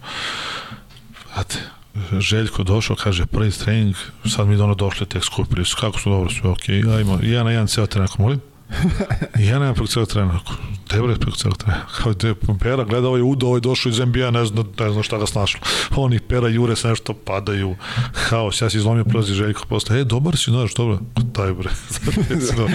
ne, ali kažem ti, te pripreme koje sam odradio, i posle toga kad sam ušao u hokeju nikad spremni posle nisam bio mislim dugo dugo jedno 5 6 godina nisam bio nas je pokit i iskido nas je dobro smo cepali baš dobre pripreme i posle ovog turnira tako sam i otišao u hokeju kad je bilo turnir onaj u... To je bio, beše Zadar, je li tako? Zadar je Zadar. bilo to nekih onaj par godina sigurno taj turnir već u Zadru, znaš, evroligaški timovi su bili Zadar organizator, bilo ekstra. I onda me kao zvao, tad je, tad je Igor, Igor Dodik, sin Milorada Dodika, koji je tad preuzeo klub, znaš, ušao i Struja bio trener, tek došao za trener. I sad, pošto je Struja dobar sa Željkom, oni kao ajde, možu da zovu, da zovu Željka, da pitaju za mene šta, kako, da li bi moglo i on im da, kao mogu da dam, rekao, naravno, možeš nešto, da, ja uvek kažem ti sa sve, da, da saslušam. I oni kaže, eto, mi naš, znamo da sve, u tako tako situaciji smo, treba nam neka mala pomoć, koliko dođeš kod nas na 20 dana, 20 dana, samo da pomognemo da malo uspostavimo to, da odigramo dok ne budeš naš neki klub. I eto, to je priča, što pričam suda, 20 dana, je to 8 godina. To je taj period ulazka, što bi se reklo, u ciljnu ravninu. Da, da. To je potrebalo, koliko, četiri godine? Šta? Igračke karijere. Četiri, četiri, sad ovo četiri, da. 20 dana prošlo, Pa ajde, još Prošlo, malo. Pa... Pazi, ušao sam, ulazimo u autobus, prvo utakmicu igram protiv CDVita u gostima. Ulazimo u autobus, zove me Brka, onaj po, tako, Brka ga svi zovemo, što je sad trener Truk Telekoma, znaš, što je bio Željko pomoćni, visok. A, onaj, da, da, da, da, da. da. On, je, on je sad trener Truk Telekoma, prvi trener posto, znaš, dobar tip i ono sve u Željka, sve to išao, on me zove, ej, imamo klub za tebe, odmah dođeš u Tursku, stvarno, i našli su mi oni klub. Ali to je ono što ti ja kažem, a ne, ne mogu tako. Rekao, čekaj, došao nisam odigrao jednu utakmicu zbog ovih ljudi, ne ide, ne ide da odmah presečem, rekao, ajde, nek ta prođe, pa kad dođe druga, dođe druga, treća, da ide. Ali ne, kažem, stvarno sam taj neki odnos napravio sa Igorom prvenstveno, Jer ono, ono tad, kažem, i, i, i, igrački i sad posle toga i, kažem, i kumije i tamo mi se druga čerka rodila i krstio mi je dete, jer generalno zbog njega sam i najviše i ostao tamo. Taj neki odnos sa njim prijateljski, posle taj humovski smo ono od početka imali i zbog toga sam i ostao tamo. Kako će izgledalo to kad si došao tamo prvi put? Pa pravo da ti kažem, ono, mislim, ja mislim, došao sam, bio mesec dana u hotelu, nisam znao šta ću, ono, dok smo se sve, dok sam, i onda dok smo, posle mesec i po danas mi brzo govorili da ću ostaviti tu celu sezonu, pa onda posle sezone ostaće još, još, i onda je tako govorili, onda Mare koje nećemo ostavimo do, dokle treba. I bilo mi je stvarno, pazi, tamo su, oduševili su me ljudi, stvarno, znaš, kažem ti, nisam, nikad nisam bio tamo, igrao sam neke utakmice, ono, ja nikad nisam imao dodir sa ljudima. I to ono što kažem, što, što prvenstveno njihova cela porodica i Milorad, što, što ima tu energiju i što su tamo ljudi tolke patriote, mi to ne gledamo tako, znaš, ovde dok ne shvatiš to kako je stvarno, ali tamo su ljudi prošli, prošli i rat i sve i, i to je to ono što se priča, to neka država koja ne funkcioniše, znaš, ne možeš ti tri, ona naroda ja pričam ja sad o, o politici i svemu, ali je mnogo važno, kažem, i mnogo je važno da se to izgura, jer te kad vidiš čim se tim ljudi bore, pogotovo, ajde, kažem, i, i udari stranaca, i ovih, stalno te neko buši, i tako da oni toliko i okrenuti ka Srbiji i ka svemu e, i u gradu, a toliko su prijatni, znaš, tako da mi je stvarno mi je prijela. Odmah mi je prijela sredina da i malo i lagani život posle i Beograda i svega ono, ono lagano, ajde jednom da ne budemo u gasu, znaš, nema gužvi, nema ničega, nema, ali se izgradilo se za njih, stvarno ti kažem koliko sam ja tamo i Banja Luka se mnogo izgradila i generalno cela Republika Srpska se diže tako da, da je vrhunski. Gradi se, gradi se putevi, mostovi, što je Sve, bitno pa, i, i meni ovaj, to odgovara to, da to, mogu to, da, da, da, da stignem kući, tako je. ovaj, reci mi, eh, kog si ti trenera promenio tamo za ti četiri godine? De, tamo? U, u okay. Pa dobro, pazi, ono, Struja je bio te prve godine i posle njega došao Baja. Onda je s Bajom bilo, s Bajom krenulo i ostalo isto tako. Znači, kažem ti. Čekaj, bio je tu i Trifa, je li tako? Jeste, posle čega ti sad, aha, aha, bilo je Struja i završeno, ne, ne, krenulo je sa Strujom, došao je Baja i izvukli smo tu sezonu, ne znam kako smo izvukli, znaš. I to, to kažem ti, to kad te ljudi kupe sa nečim. To sam ja spominju uvek, te godine smo imali problem oko ispadanja. Ja jesam igrao vrhunski, ne znam, nisam bio nikad spremniji, dao sam po 20 pojena, 15 lagano, igrao 40 minuta, znači nikad se bolje nisam osjećao u tomu. Ali smo, znaš, neki loše rezultate i to je bila teška, teška sezona, dobri klubovi, uvek se na neku loptu i tu smo pred kraj bili da, da li ćemo ispasti ili nećemo ispasti. Dešava se jedna utakmica kući kad je, kad je Baja došao, preuzeo, sve bilo super, treba igramo sa metalcem iz Valjeva gde smo ono kao favoriti koja mora se dobije lagano, ne možeš ništa. Znaš, kad te krene, ne, ja ne mogu ništa ne znam da sam dao 4 pojena sam dao, a kao ja 20 pojena prosek.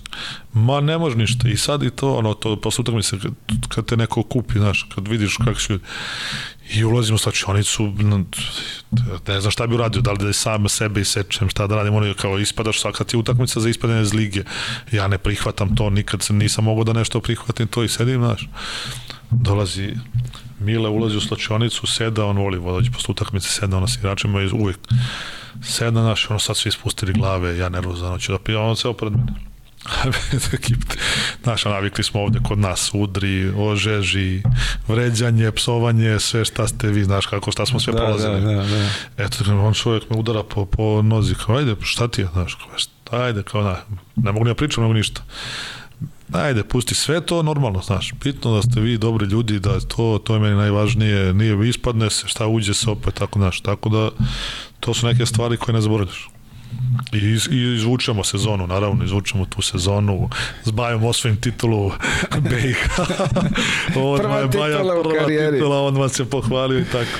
Tako da s Bajom imamo odnos stvarno vrhunski dobri smo prijatelji, isto imamo nekad razminica ovoga, onoga krećemo, ali je dobro, stvarno, ne Baja na prvom mestu veliki, veliki čovjek i napravio to to što je napravio kad smo bili u Zvezdi napravio vrhunski rezultat, znaš, pa je odlazio kad god je odlazio uvek se vraća, znaš, pa je tamo domaći, tamo drže domaće ljude i stručno štabu uvek imaš ljude koji su tu od početka, tako da to njih e, znači evo, posle toga je Baja otišao, došao je došao je godinu dana uh, Trajković, Neša Trajković, pa je bio on brzu, pa se pa se on, on je otišao, došao je Gagi Nikolić, tad smo isto završili, izvukli smo sezonu, ostali smo u sezoni, posle toga došao Trifa za trenera, desilo se ono nažalost što se desilo, moja prva sezona u ulozi funkcionera, tu sam, tu sam. Ja, trebao sam još godinu dana da igram i onda u nekoj raz, razgovori sa Trifom, gde je njemu trebala neka pomoć, gde me on isto, uvek me vuko nešto me savjetovao i u Zvezdi me,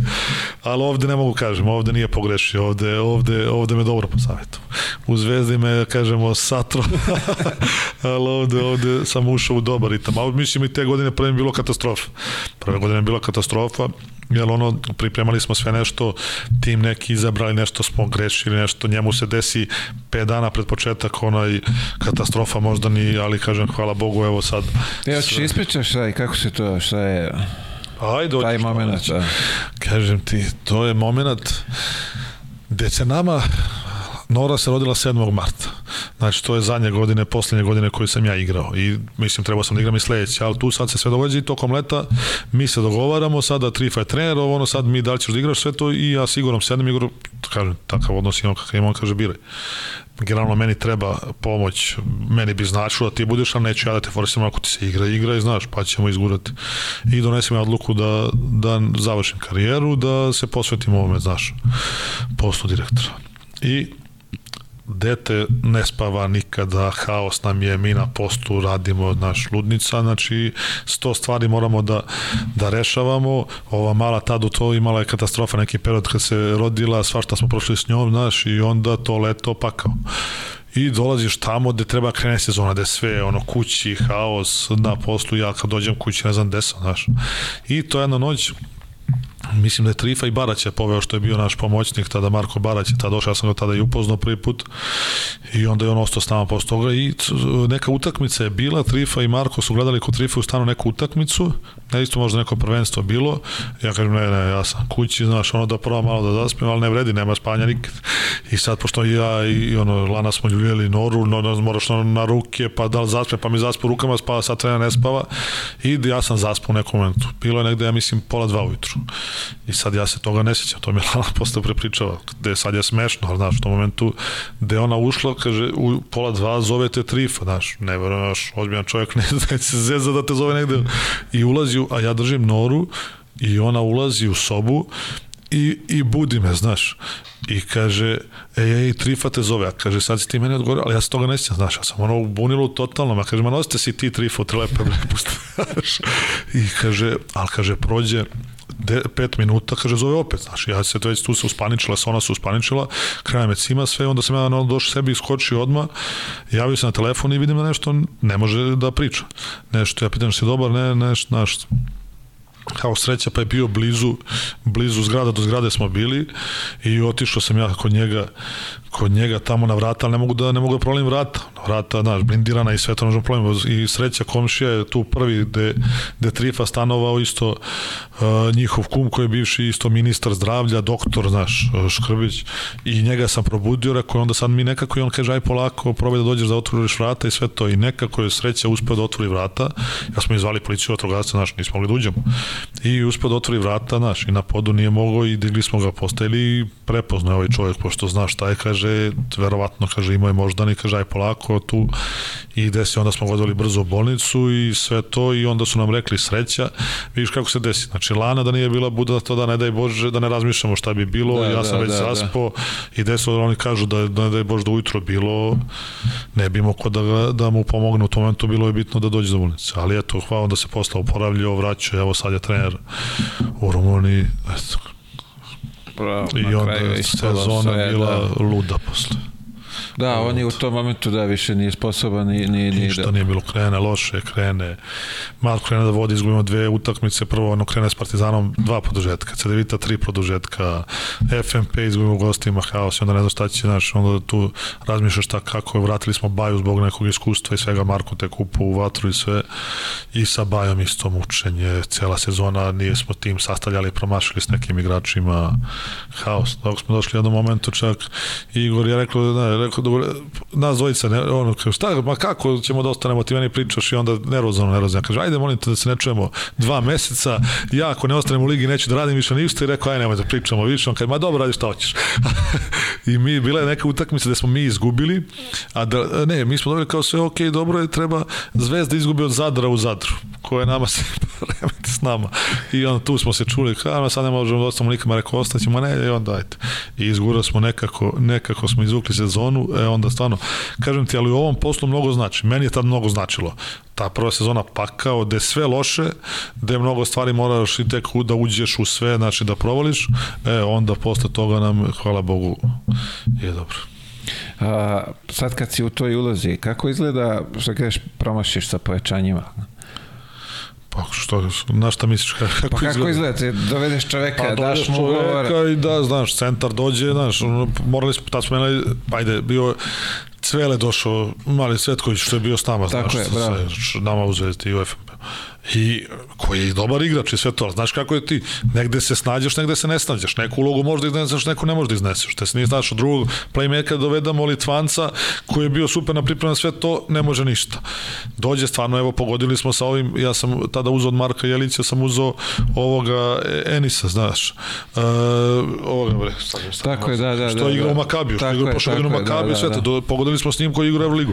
A smo doveli Vona, koja je Lenština jedna, koja je povuku i ove druge koji ne radi ništa, koji čovjek može da 40 poena, Rashad Von, koji može da 40 poena svaku, bio u NBA-u, čovjek uzeo 5 miliona, ali dođe s odvezanim patikama na trening, ne može da ga nateraš ništa.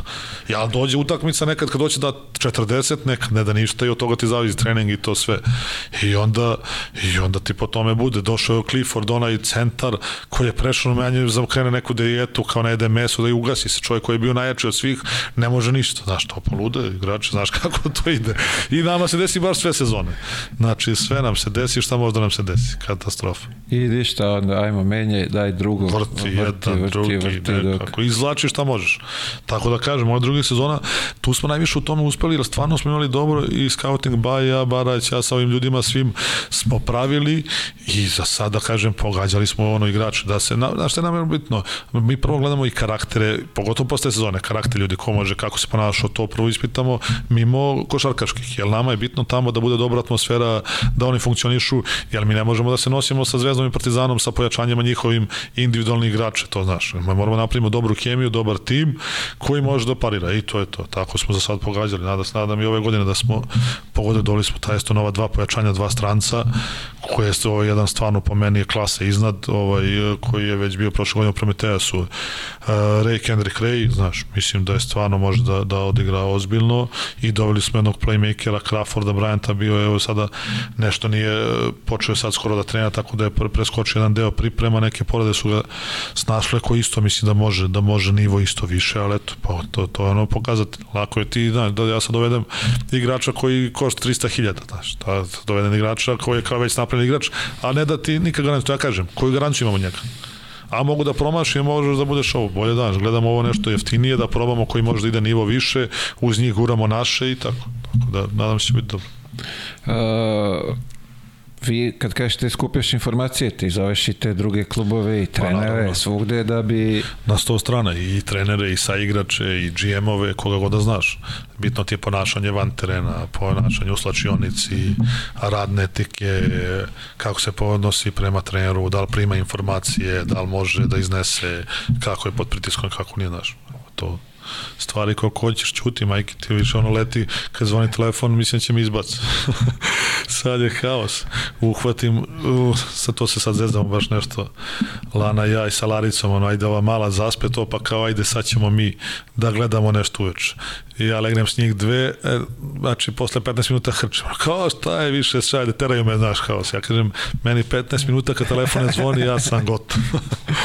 Vidi, naporno je da bio sam, jedan dan sam imao takvu neku situaciju, 20, izbrojao sam 24 poziva da nisam ti si laganica. Ali pa to je jedan dan da sam ja odlepio, mogu zamisliti kako je kad to traje. Evo vidjet ću sad koliko ima poziva kad završim e, ajde da se dotaknemo ovaj, i repke malo. Jesi ti u mlađim kategorijama igrao? Nisam, eto to. Nisi bio talentovan? Jedno, nis, pa rekao sam ti, sam bio, sam bio radnik. da, ti Nisam bio jedno, nijedno mlađu, nijedno mlađu, pa nije, bili su mnogo bolji od mene, tada ne kažem ti, ovi naši, pogotovo Partizanu.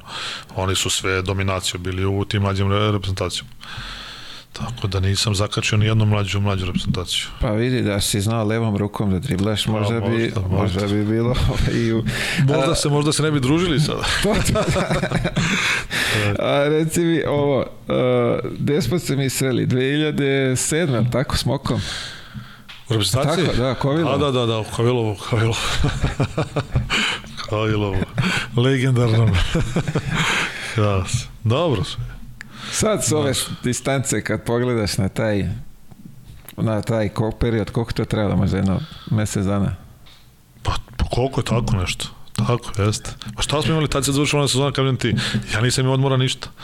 Meni tad, tad je Lana bila trudna sa, sa Larom, mi smo otišli 7 dana do Turski, ratili se odmor staciju, upali to ti. A ona odmah krenula trudnica. Ekipa naša, vesela. vesela družina. Vesela družina. Darko, tu je, je svega Darko, bilo Burke, samo... Marko, od njih trojica, pa ja, pa ti najstariji, ovo sve mlađi je. Jel da. tako? Sve Novica, Teo, Cvele je bio, ajde Cvele je bio Branko, ko, ko je on? Ko je Branko? Četvrta. Pa eto, znači tu ste vas dvojice bili, ovo je sve mlađi, Erceg, Labović, Aleksandrov, Teo, je, Rašić je bio, Teo, Rašić je bio, pa i ono sve da. Ne mogu zašto se, da, da, da svi, ali svi su bili mladi. Stati. Okupljanje sa mokom. Pa dobro, mok, klasično, njegovo, ajmo atmosfera, ajmo se udri, ali pazi, žao mi ono bilo što, što, što nismo napravili nešto, neki bolji rezultat sa onim svim, čak smo mogli da, da budemo i da dobar rezultat napravimo, da nas nisu pokrili, da nije bilo ono svega, ajde Rusiju, Rusija bi osvojila to, te godine osvojila, šta ćeš kad je bilo, sećaš i da smo igrali s njima na nekih pet razlike, nešto je bilo, ali ona utakmica s Grcima, ono, stvarno, krađa za, za nale i tako, znaš, Gadarko, lud, posle meni je žao zbog one treće utakmice što su oni malo digli rukle bili, što su već popizdali zbog toga, kažem tako se izrazimo, da, da nisu hteli da više, znaš, koliko su bili ljuti na sve, da kao ajde šta idemo sada, znaš da je bilo tad se prvi put ono otvaralo da se prelazi u Madrid, pa nema veze, mogli smo da pređemo, ali bi prenosili bodove, pa je bilo i onda smo od Izrala izgubili na kraju i onda nismo otišli u Madrid. Meni realno žao iskreno, pogotovo što prvi put meni je ne, nemaš, to mi je vrh kažem, karijere da, da igraš za nacionalni tim, za mene. I pogotovo što naša reprezentacija bila prva reprezentacija Srbije. Srbije, tako da, je, da. Da je, da je svirala Bože pravde i ono, evo sad se nađeš, kad se staneš, kad si se osvira himna i sve to, mislim da to ne može da se opiše nekome ko ne proživi, zbog toga mi je bilo žao, ali ono sve se desilo naš. Moka u svom stilu, takav je kao ono, voli da pravi atmosferu, voli da pravi nešto drugačije od drugih, ali eto, ja kažem, opet je ta, ta godina on je izbacio tu i Teodosića i koga je prvi put bio, ajde meni ja sam debitant bio, ali sam imao 24 godine. Ali bio tu Novica, bio Labović, bio Erceg, bili su svi tu oni prvi put. Tako je, da, već sledeće godine smo ovaj Jeste, oni su pa bili smo, ja sam otišao tad sledeće godine sam otišao Duda isto pokojni, kažemo, bio je za kvalifikaciju, on bio selektor i pokupio celu tu, tu, tu ekipu. Tako Tep, da. Tepa je bio, sećaš se, Tepa isto i on je ostao, oni su i ostali u. Pa je, a Pa, Duda je, Duda je saseko mene i Darka posle da napravi vojsku gde mogu. Či vi ste bili ti kao ovaj, Pa uvek mora neko staviti. mora neko da... A nije, znaš, šta je bilo Darko, ja ni mislim, stvarno nismo pravili, pa sećaš ti tada, ono, ajde, bilo je sve, ali nismo pravili, išli smo u, u Bormio smo išli, ajde, nego oni se svi, ono, Darka plaše šta će da urade, ali će kako će da reaguje sve to, a šta odeš u mrtvi Bormio, niti smo izlazili, ni ti šta, stvarno ništa nismo radili, da mi neko dođe, ne volim sad da pričam ni o kome, znaš, ajde, ali kaže, pola 12 gasi u svetla, moraš da svetlo, druže. Ja sam 18 godina, nije mogo neko mi kaže dođem kući u 8 ujutro, ti mi kažeš u 20, 26 godina da ugasim svetlo, da ne mogu da igram karte, u, u mrtvom bornju da nemam šta da radim. Znaš, i onda njemu nije odgovaralo Teo, meni bio cimer, što se Teo s nama družio, tu je bio Teo, Darko, Darko Teo i ja i Cvele smo se najviše družili. Ovo je drugo bilo, kada da kažemo, Partizanova škola, ono, mislim, dobra ekipa bila svi, bilo je čak i od starih bio Kecman, ko je ta Krle bio, da, Krle, Teo, Tepa. Je bio Vujke tad, nije? Nije, nije, nije. Tad su oni bili, kažem ti, ne to. I onda, i Darko ti, Darko, kažem isto, ja ga mnogo volim. I mnogo smo ono bliski i sve, znaš kakve odnose imamo i sve to, ali on je uvek iskren i on je dobra duša ali ne trpiš autoritet, znaš, i onda to ono nekome smeta, nekome ne smeta, Da, njemu kako dobro. ide i je. Duda je sklonio, kada je sklonio prvo je mene, koga je presekao mene, ja sam mislim se vratili dva, bio tada i Bojan Popović i, i ja i Krstović, mislim da, i sve, tu su bilo veliki, ono, to je prvi deo dok se nije oseklo, mislim da je prvo nas trojica oseklo, mislim da ne budem, Krstović je mene i Bokija Popović, mislim da smo se nas trojica prvi vratili, a onda Darka posle sklonio. Ali da tu se napravi, pa se Saman priključio posle, pa je ono kvalifikacije prošle kako treba, posle napravio drugi i posle priključili i drugi ovi igrači kad su dolazili mlađi i sve to, znaš. Kad su upali svi tu i Tarp stacija napravila vrhunske rezultate. Da, tad je to i, ajde kažemo, malo krenulo vetrije pa, da. za nas. A, sa ovim bre, kako se zove, sa Mokom, sećaš ti onih njegovih treninga, je, to, je ti ostalo nešto u sećanju? Pa sećam se futbala, brate. treninga se nešto nećam. Sećam sve da čekam igramo futbal, toga neću zaboraviti. Sećaš se kako se zvao kondicioni? Jo, ja, na je, ja, nije jaka, nije, ja. Ja. Ne znam, Jusu. Nije, ja, nije jaka, jaka, tako nešto ga je zvao, jaka, jaha, jaha. Tako beše nešto bilo, nebitno. Da. Sad sećaš se ono kad smo izlazili pred halu, gde to beše bilo? To isto bilo, to je Bormija bio isto, ja mislim, tako? Nismo iz Bormija bili. Bre. Gde smo? Bili smo negde na onom turniru, znaš da smo igrali s Hrvatima, s Francuzima, onaj turnir. Pre Francusku, Strasbourg. Ne, ne, pre, pre Francuski, ja sam pre Francuski otišao, bili smo negde, bili smo bre u Bormiju. Gde smo nas Hrvati gledali u čudu kad smo igrali, znaš da smo bili tamo. Ja, jeste, jeste Bormija, pa, igrali smo dole. Igrali smo da, futbol da, na stadionu, pa to ti kažem, da, neću da, zaboraviti da, nikad. Da, da, da. Izlazimo sad mi iz, iz autobusa i sad Darko i ja se dogovorimo, rekao, brate, Hrvata i sad odmah kako izlazimo iz autobusa, pun gaz na teren za futbol i samo viči, futbol ne znaš, Moka će da igra, on voli, rekao, pusti ovoga, jer smo trebali da imamo neki kondicioni trening, znaš. I onda mi kako smo izletili, ono, postavljamo goliće, sad ćemo smo pravili haos. I onda ima, i ova jaka, ne, moramo da radimo ovim okama, pusti, bre, igramo futbol. I on je igrao s nama futbol. Sećam sam, postavio sam u jednu nogu da, da je odvalio cevanicu, da ne mogu da ide, tako da, eto, Bilo svašta, onda je ono, tad su to su već prijateljske utakmice bilo, sećam da su Kroati gledali u čudu, kao šta rade, šta rade futbala kao uveč igram utakmicu s njima. A reci mi, a 5 na 5 na, na, na, na, na guzici, na, na sedenju. Ja, jeste. Ne mogu više ga se setim. Bilo. Ja to ne mogu zaboraviti, to je... Tebi je bilo to lagano, skoro sa tvojim to je, ovim, to je bio moj... ove patike 80 da se učeš po podu. To je bio... I da. Čini jeste, smo čekaj, se podelili. Sam, smo s malim loptama igrali, sa teniskim loptama. Kada šta je bilo?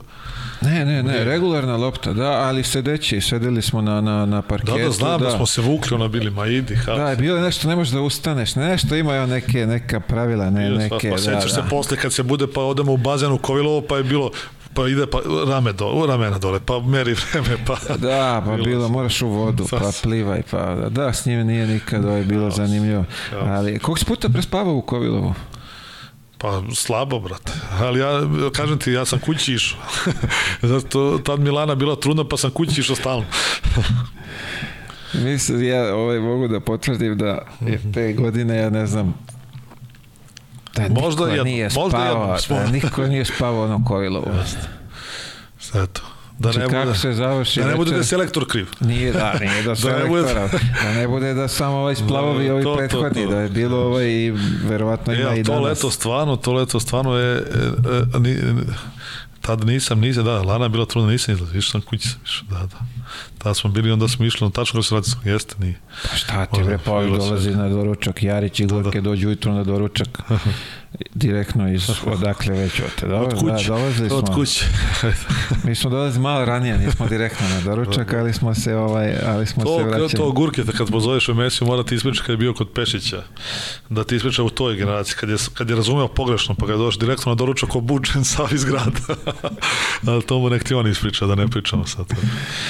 Ajde, zla, zlaćemo ga, vidi, ovaj, samo još da ga uhvatimo. Uh, protivnika, za koji ti bio najteži od tih na tvojoj poziciji za čuvanje? Pa kad je tad Bulog, kad sam došao u Španiju, kad sam već znao ko je, kad sam naučio ko je, pošto mi smo dva, tri puta ono, njegovom iz one dvojke, iz dijamanta, kad se otvara, ono je nemoguće šta čovjek radi, znaš, ne možeš da ga stigneš Bulog, kad ti Bulog, Navarro, i Rudi Fernandez. O, on me jednu utakmicu masakrirao. To kad smo igrali kod njih u gostima, ne zato što sam ti pričao prvo nego druga kod njih u gostima. I ja nešto kao cepam i stvarno prva, prva odbrana, on se zaleti, ja mu zveknem tablu, od tablu u rampu i ja kao sad to je 38, 39 metara. A, si ga naljutio. Ali to je nemoguće, znaš, stvarno, znači on je kakav igrač. Tako da mislim da su to u Španiji su njih trojica, ono da sam ih da sam ih ja čuvao čuo sam sve, ne mogu kažem, to je bilo vrhunski igrač. Pa ne, ono, nas, jedan, ono da je baš da ti nije prija da je bilo. To mi, ne, ne, oni su baš bili, ali to i Navarro kad uđe u ritam ne možeš, ne, možeš da ga čuješ kako god dođeš. A ovde kod nas, na primjer, Rokolan Jukuć kad je bio klinac, Pa ne, on je imao osjećaj, to je nemoguće. Uvek si, i, i ja sam stvarno tad igrao odbrano vrhunski. I uvek si imao tu i ruka i sve, svaka ulazi. To je. Pa to on i dalje igra, ali tako? Igra, igra prošle godine u Splitu, ne znam da je da Ja mislim sad... da igra i dalje to. Vidjet ćemo ga. ja mislim da igra i dalje. Mislim da sam ga vidio da je na pripremama sad za, za, za, da, da. za ovu ekipu. A, najteži moment u karijeri? Pa najteži moment, sad kažem ti, te povrede su najteži momenti svih, svih igrača, tako da su to neke najgore stvari u sportu ko uspe da izbegne ono kad možemo kažemo da je srećan i tako naš oporavci od povreda to operacije kad su neke teže povrede mislim da mi je to jer ja kažem ti tad sam želeo da se brzo vraćam i bio sam sigurno mislim nepod, nepodnošljiv po moje po okolinu i po svetu jer ja znam kakav sam ja da sam i težak i da svaki ima povod u tom momentu. Kad nešto ne možeš a želiš i onda naš ljud sam na ceo svet uh, tako da, da možda tad. A, jesi ima plan uh šta ćeš raditi posle karijere? Pa kažem ti, ja sam od 25. godine počeo da, da stvarno shvatam košarku i da vidim koliko je to stvarno, koliko je to ozbiljna, ozbiljan i sport i to je nije više sport, to je sa nama i način života. Kažem ti, mi smo sada u tome više nego što smo bilo čemu, šta smo i koliko, i ja mislim da bez košarke ne bi mogo sada. Ja sam teo tada, onda kad sam počeo to, ti s neke, mislim da od 27. do neke 33. godine igrač u nekim najboljim godinama, da može da razume i fizički spreman. E, to, to mi je tu bilo i onda kažem ja sam tad završio višu trenersku, da mi da budem trener završio sam višu trenersku isto kod našeg prijatelja kondicionog Saleta Lukmana na sportskoj akademiji o, na Olimpu je tad bilo, on mi je bio i mentor i sve tako da, znaš. I, i, i ne, ja košarku mnogo i volim i sve to i sad razumem i, i drugačije gledam sve i tako da, da sam hteo da budem trener, ovo igrom slučaja je tako došlo da sam upao na ovu poziciju. I eto, to ti... Jel te drži, jel bi bio trener sad? Ne razmišljam o to, nemam, nemam vremena da razmišljam. Kad bi se ukazala prilika sad ne, da se vratiš. Ne mogu. Ne mnogo poslimo. mnogo poslimo ne, ovako. ne postizavam. Mm. Savete za, za mlade? A sad ono to smo sa S obzirom da ih malo mlade. gubimo. Ne kažem, pa nemo, gubimo ih mnogo, ali neke, mislim, evo kažem, ko je nas savjetu? Ja kažem, nisam slušao nikog živog. Mogu me savjetuje kogod hoće dok sam nisam skapirao, ali kažem, moraš da imaš i sreće i da prođeš negde da možeš da, da dođeš na taj nivo. Ali neosporno da, da rad, rad sve nadoknađuje. I talent i sve. Ja, kao ono što se zezamo, kažem da sam mnogo više teo da radim, mogu sam da nadoknadim i taj, tu levu ruku i sve to, verovatno bi bio i bolji i, i, u, i u košarci i u svemu. Ali ono, savjet, znači ako će da, da budu, da istraju, da ih ne baci, jel možemo, mogu ja da pogrešim negde, znaš, to je ono bitno, da ne, da ne odustaju. To mislim da je najbitnije. Ja mogu da kažem nekom klincu da je netalentovan, da me on demantuje. Ko što je bilo slučaj sa Sašom Obradovićem, sa mnogim, mnogim igračima, ali ti neosporno ćeš negde da pogrešiš. E, to je najbitnije. Taj, mislim da to, po tome smo mi dobri. To ono što ja kažem što je meni žao, što mi imamo taj srpski ina da, da uvek, znaš, da želimo da se izborimo i protiv nepravde i protiv svega. Samo da malo taj još rad unapredimo i da, znaš, da moramo malo da se dignemo i mi svi generalno da počnemo. Stigli su nas svi, a mi cupkamo.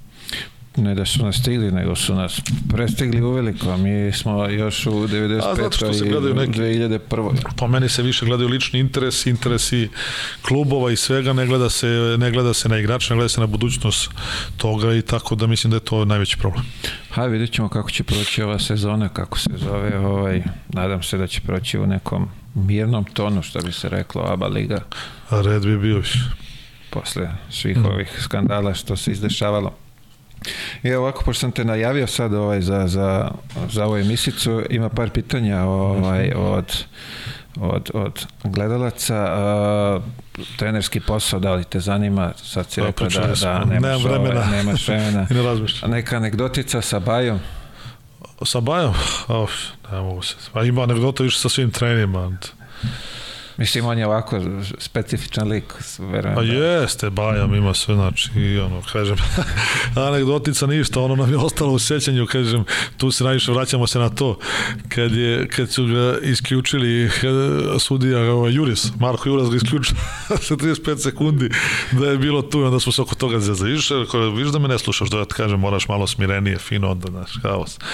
Ali prošlo sam s njim svašta i ono, kad sam došao, pile su teške situacije, momenti svakakvi, bilo je sve, ali ne kažem ti, snalazi se on dobro i dobro ima, kažem ti, mene ono malo i nervira, već me više nervira što nije hteo, što ga mi presiramo sve to što je zbog jezika, evo sad je već počeo malo, naš, počeo je da, da kapira sve to, jel, jel može da, da toga ograničava da može da radi da bude bolji trener, znaš, da bude negde na polju trener, da bude da izađe svega toga, ali da, on je mislio čak jednom je anegdota bila kad je to bilo, kad smo potpisali ugovor s njim, sad posljednji, trogodišnji, i sad meni Igor kaže, reci mu da mora da nauči engleski ili ugovor ne važi.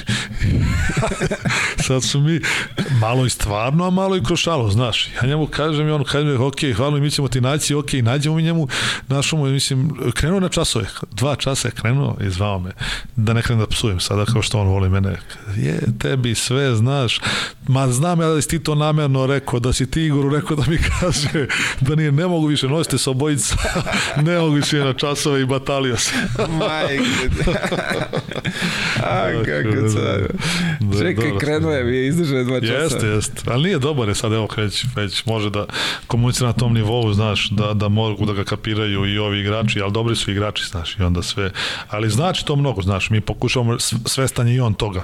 Ali mislim da ono, je dugo i tamo i treneri i sve to, pa ga onda i nervira da nešto uvek, sve, kad trebaš nešto ovo kreneš da te nervira. Ali, da, da, da, da. Ja nadam se do, za, da ćemo da ga nagovorimo za neke 3-4 godine. e, mišljenje o Ognjenu Radošiću.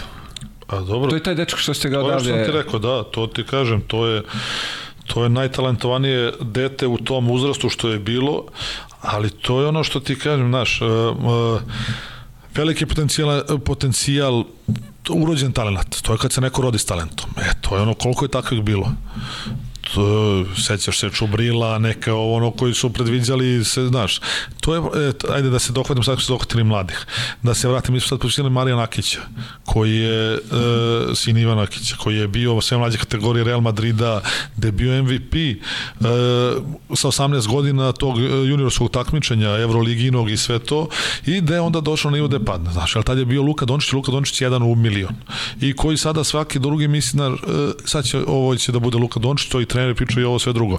Ali moraju igrači da budu svesni da, da se ne zanose s tim, jer se vratiš sve. Ja kažem, taj mali, e, taj momak, za Marija ti pričam sada, momak isto ima neviđene e, predispozicije. Mislim da će bude vrhunsko pojačanje ove godine i vidi se po njemu i kako radi, kako sluša i dobro dete i sve to i mnogo će napredovati. E tako isto sa Ognjem Radošićem. Veliki talent, ali to je naš posao i posao trenera i svega da ga usmeravamo. Ja sam već njemu objasnio nešto, znaš to ono što, što ja kažem i sada pričam i sa, sa Krletom sam pričao, ja sam dobro Makedoniji gledao reprezentaciju, e, isto naš drugar je trener, stada je mozak, pomozi mi, za U16, što sad jedva opstali su bili, zato što se ovog i povredio mali Gliša.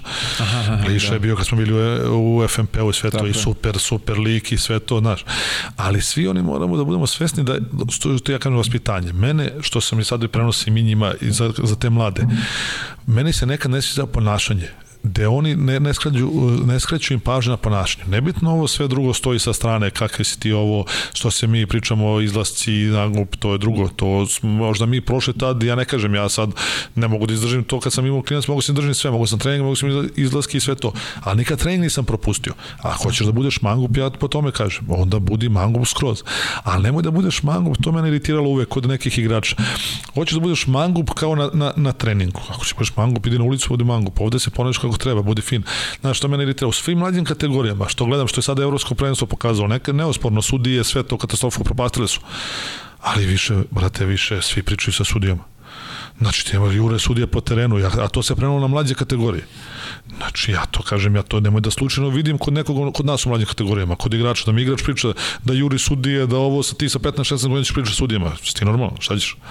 Znači, to mi ti kažem, i ta, ovog je, ima takav talent, koji je jedan od tu, kažem, taj najtalentovaniji dete sve to. Ali njemu sam objašnjavao, mora sad da se radi, mora, mnogo nedostataka ima, treba pređe na neki veći nivo, mi smo njega priključili prvom timu i sve to, ali mora on da uči.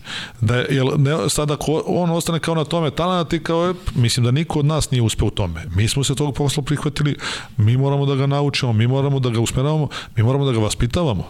Jer i taj otac njegovog je nama dao jel, s poverenjem nekim daš. I to ja kažem, to se mene nekad nije nešto što mi se ne sviđa, njima svima skrenem. Daj možda da se ponašaš, jer ti predstavljaš i kod nas, znaš koji klub predstavljaš, znaš koga predstavljaš, kad si u reprezentaciji, ti predstavljaš reprezentaciju, nisi ti više u nekom klubu i sve to. Je to, to sam ja rekao i ljudima tamo, i to, to morate da prenesete njima, da oni shvate gde su, šta su, znači nije, ne postoje reprezentacija, mi smo se dohvatili toga, sad više ko će da igra, ko neće da igra. Te mora da se zna da je reprezentacija vrh svega, sve drugo je ispod, ali mora se znači ti ako došao reprezentaciju, nije reprezentacija tu zbog tebe, da ti kao ja sam talent, pa ću ja kao eto da razmišljam da li da igram ili da ne igram. Znate, nemoj da igraš. Ma da ima, čuo sam da, da ima i ovih u mlađim kategorijama dece koja tako odbijaju pa, te nastupe pa ne, to ti pričam, to je veći ovaj... problem. To je veći problem kod tih. Ali, to, ali gde je problem tu? Da li je vaspitanje, da li je ovo, sve to. Ne kažem ti ovo, za, zašto ja spominjem Macu Janjića. To je neko vreme, najgore vreme Beogradu kada smo mi odrastali. Znači, vreme gde je bio rad, gde je bilo ovde u Beogradu se svašta dešavalo, ajde, hvala Bogu, naši generacije su izbjegli od naših ovih drugada, što su bili možda malo stariji, od 70, kažemo, druge, treće do 78. 9. gde su uhvatili najgori period, gde su oni bili stari, gde sve bilo u Beogradu ono dostupno, da kažem, gluposti i svašta, gde znamo kako se pozavršavalo.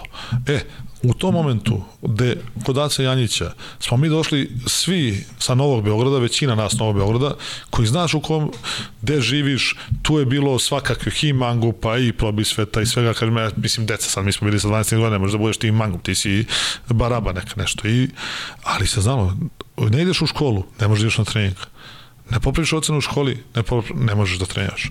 Čovjek je bio pedagog i okupio je sve takve momke, mi gde god smo se pojavili, mi smo se najbolje ponašali. A bili su svi, da ti kažem, i ozbiljni klinci tada i sve to, ali to možda uspostaviš sistem. Zato ja kažem da je velika odgovornost trenera. To mi ne shvatamo, da, da je veća stvar kako kog ćeš trenera da staviš za mlađe za kategorije nego ko će ti bude trener prvog tima. Totalno drugačije. Ako nas izgubilo, sećaš što smo pričali kad smo bili tada i u Zvezdi, i u FNP-u, sve to. Znači, treni su zavisni od nekog rezultata, plaše se svog posla, plaše se nečega, da ne izgubim posao, da ja ovo rešim, pa ovo. A, ne, a mi ako ta, u tom smeru idemo, znači, nema nama budućnosti. Nećemo izbacivati klince, nećemo dobijati igrače, zato ti kažem. Ali to je, to je za svest svih nas. To je malo opširnija tema. A, očekivanje od Zvezde ove godine?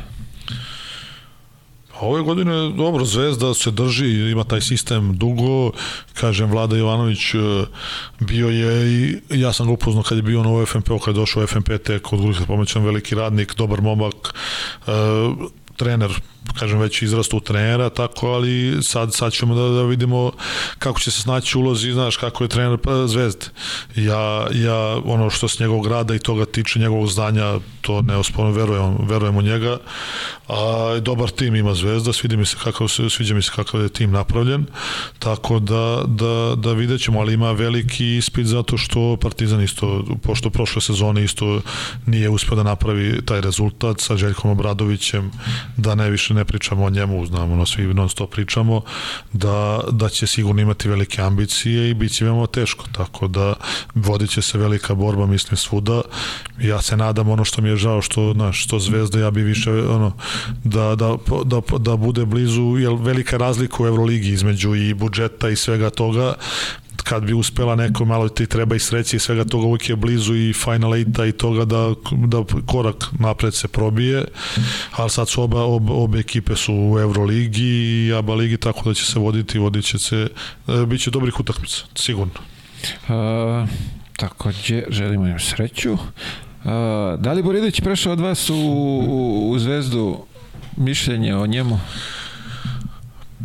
Predobro dete po meni možda i, i, i ono negde ona crta što ti kažem da trebaš da imaš malo, malo bezobrazluka da mu to nedostaje neće da se ističe, nekad se povuče malo u sebe, znaš, mora tako da pri, pričao sam dosta ono i sa njim i prošle sezone smo svi pričali tako da ga, da ga usmerimo šta da vidi šta je zvezda. E, nemoguće e, fizikalije koje ima. Prošle godine i dosta radio sa, sa, sa ovo, kažem, ove nebitne utakmice sve to što mu je Baja davo, nego do, do, individualno je radio dosta i tu Barać se dosta posvetio sa njima za individualan rad sa svim igračima, tako da je to, mislim, i napredovo u šutu, jer kažem, ono, znaš, sad više nama svi bi menjali šut, njemu su menjali šut sto puta. Više, kao me menjaš šut, bre, više. Evo, da, više zaboraviš onda i da šutiraš, više nisi siguran ni u sebe. Pusti ga, nek šutira, sećaš se Michael Scotta, što je bio uh, tad, one godine kad je bio, Da. čovjek baco, baco bombe, ali pogađa. To je to. Pusti, druže, ako Pusti će... ga. To je to Ne- najgore što ti kažeš, uh, sad spominješ šut, svaki trener hoće promeni šut. Pa ne svi nešto pametu, kao ovo je pravilan šut, a šta je pravilan šut? Pravilan je druže šut kad onaj, crna, onaj, onaj Italijan nama pogodi šest trojki. Pa ko gleda kako on šutira, znaš? I dođe sad ovaj uh, Hernan Gomez pa da sedam trojki u finalu. Pa, Bitno je da kako ulazi, sad to. da li je, Ne, odakle to je- bacaš i To je kako je. Dalibor shvatio prošle godine, ja sam, znaš, pričali smo s njim, a, naj, tehnika koja tebi odgovara. To i meni su menjali šut, ja sam bio kamenac do, ono do kasnije, kažem ti, znaš.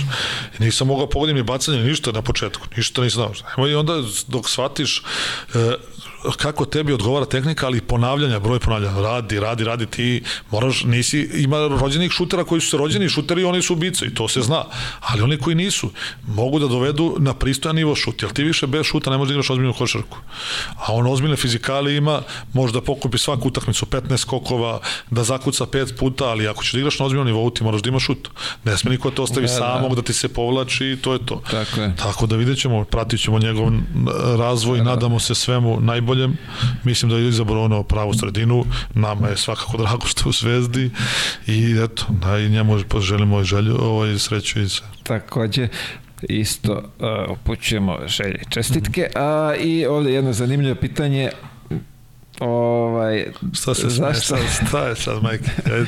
Ovaj, da li ti, da li, za, za čim više žališ? Za prelaskom od, uh, iz juniora kod Duleta ili za titulom sa, sa, Pa sa rekao sam ti, ja samo jednu, jednu želju Pa to neostvarenu da, imam, tako da to mi je jedina neostvarena želja.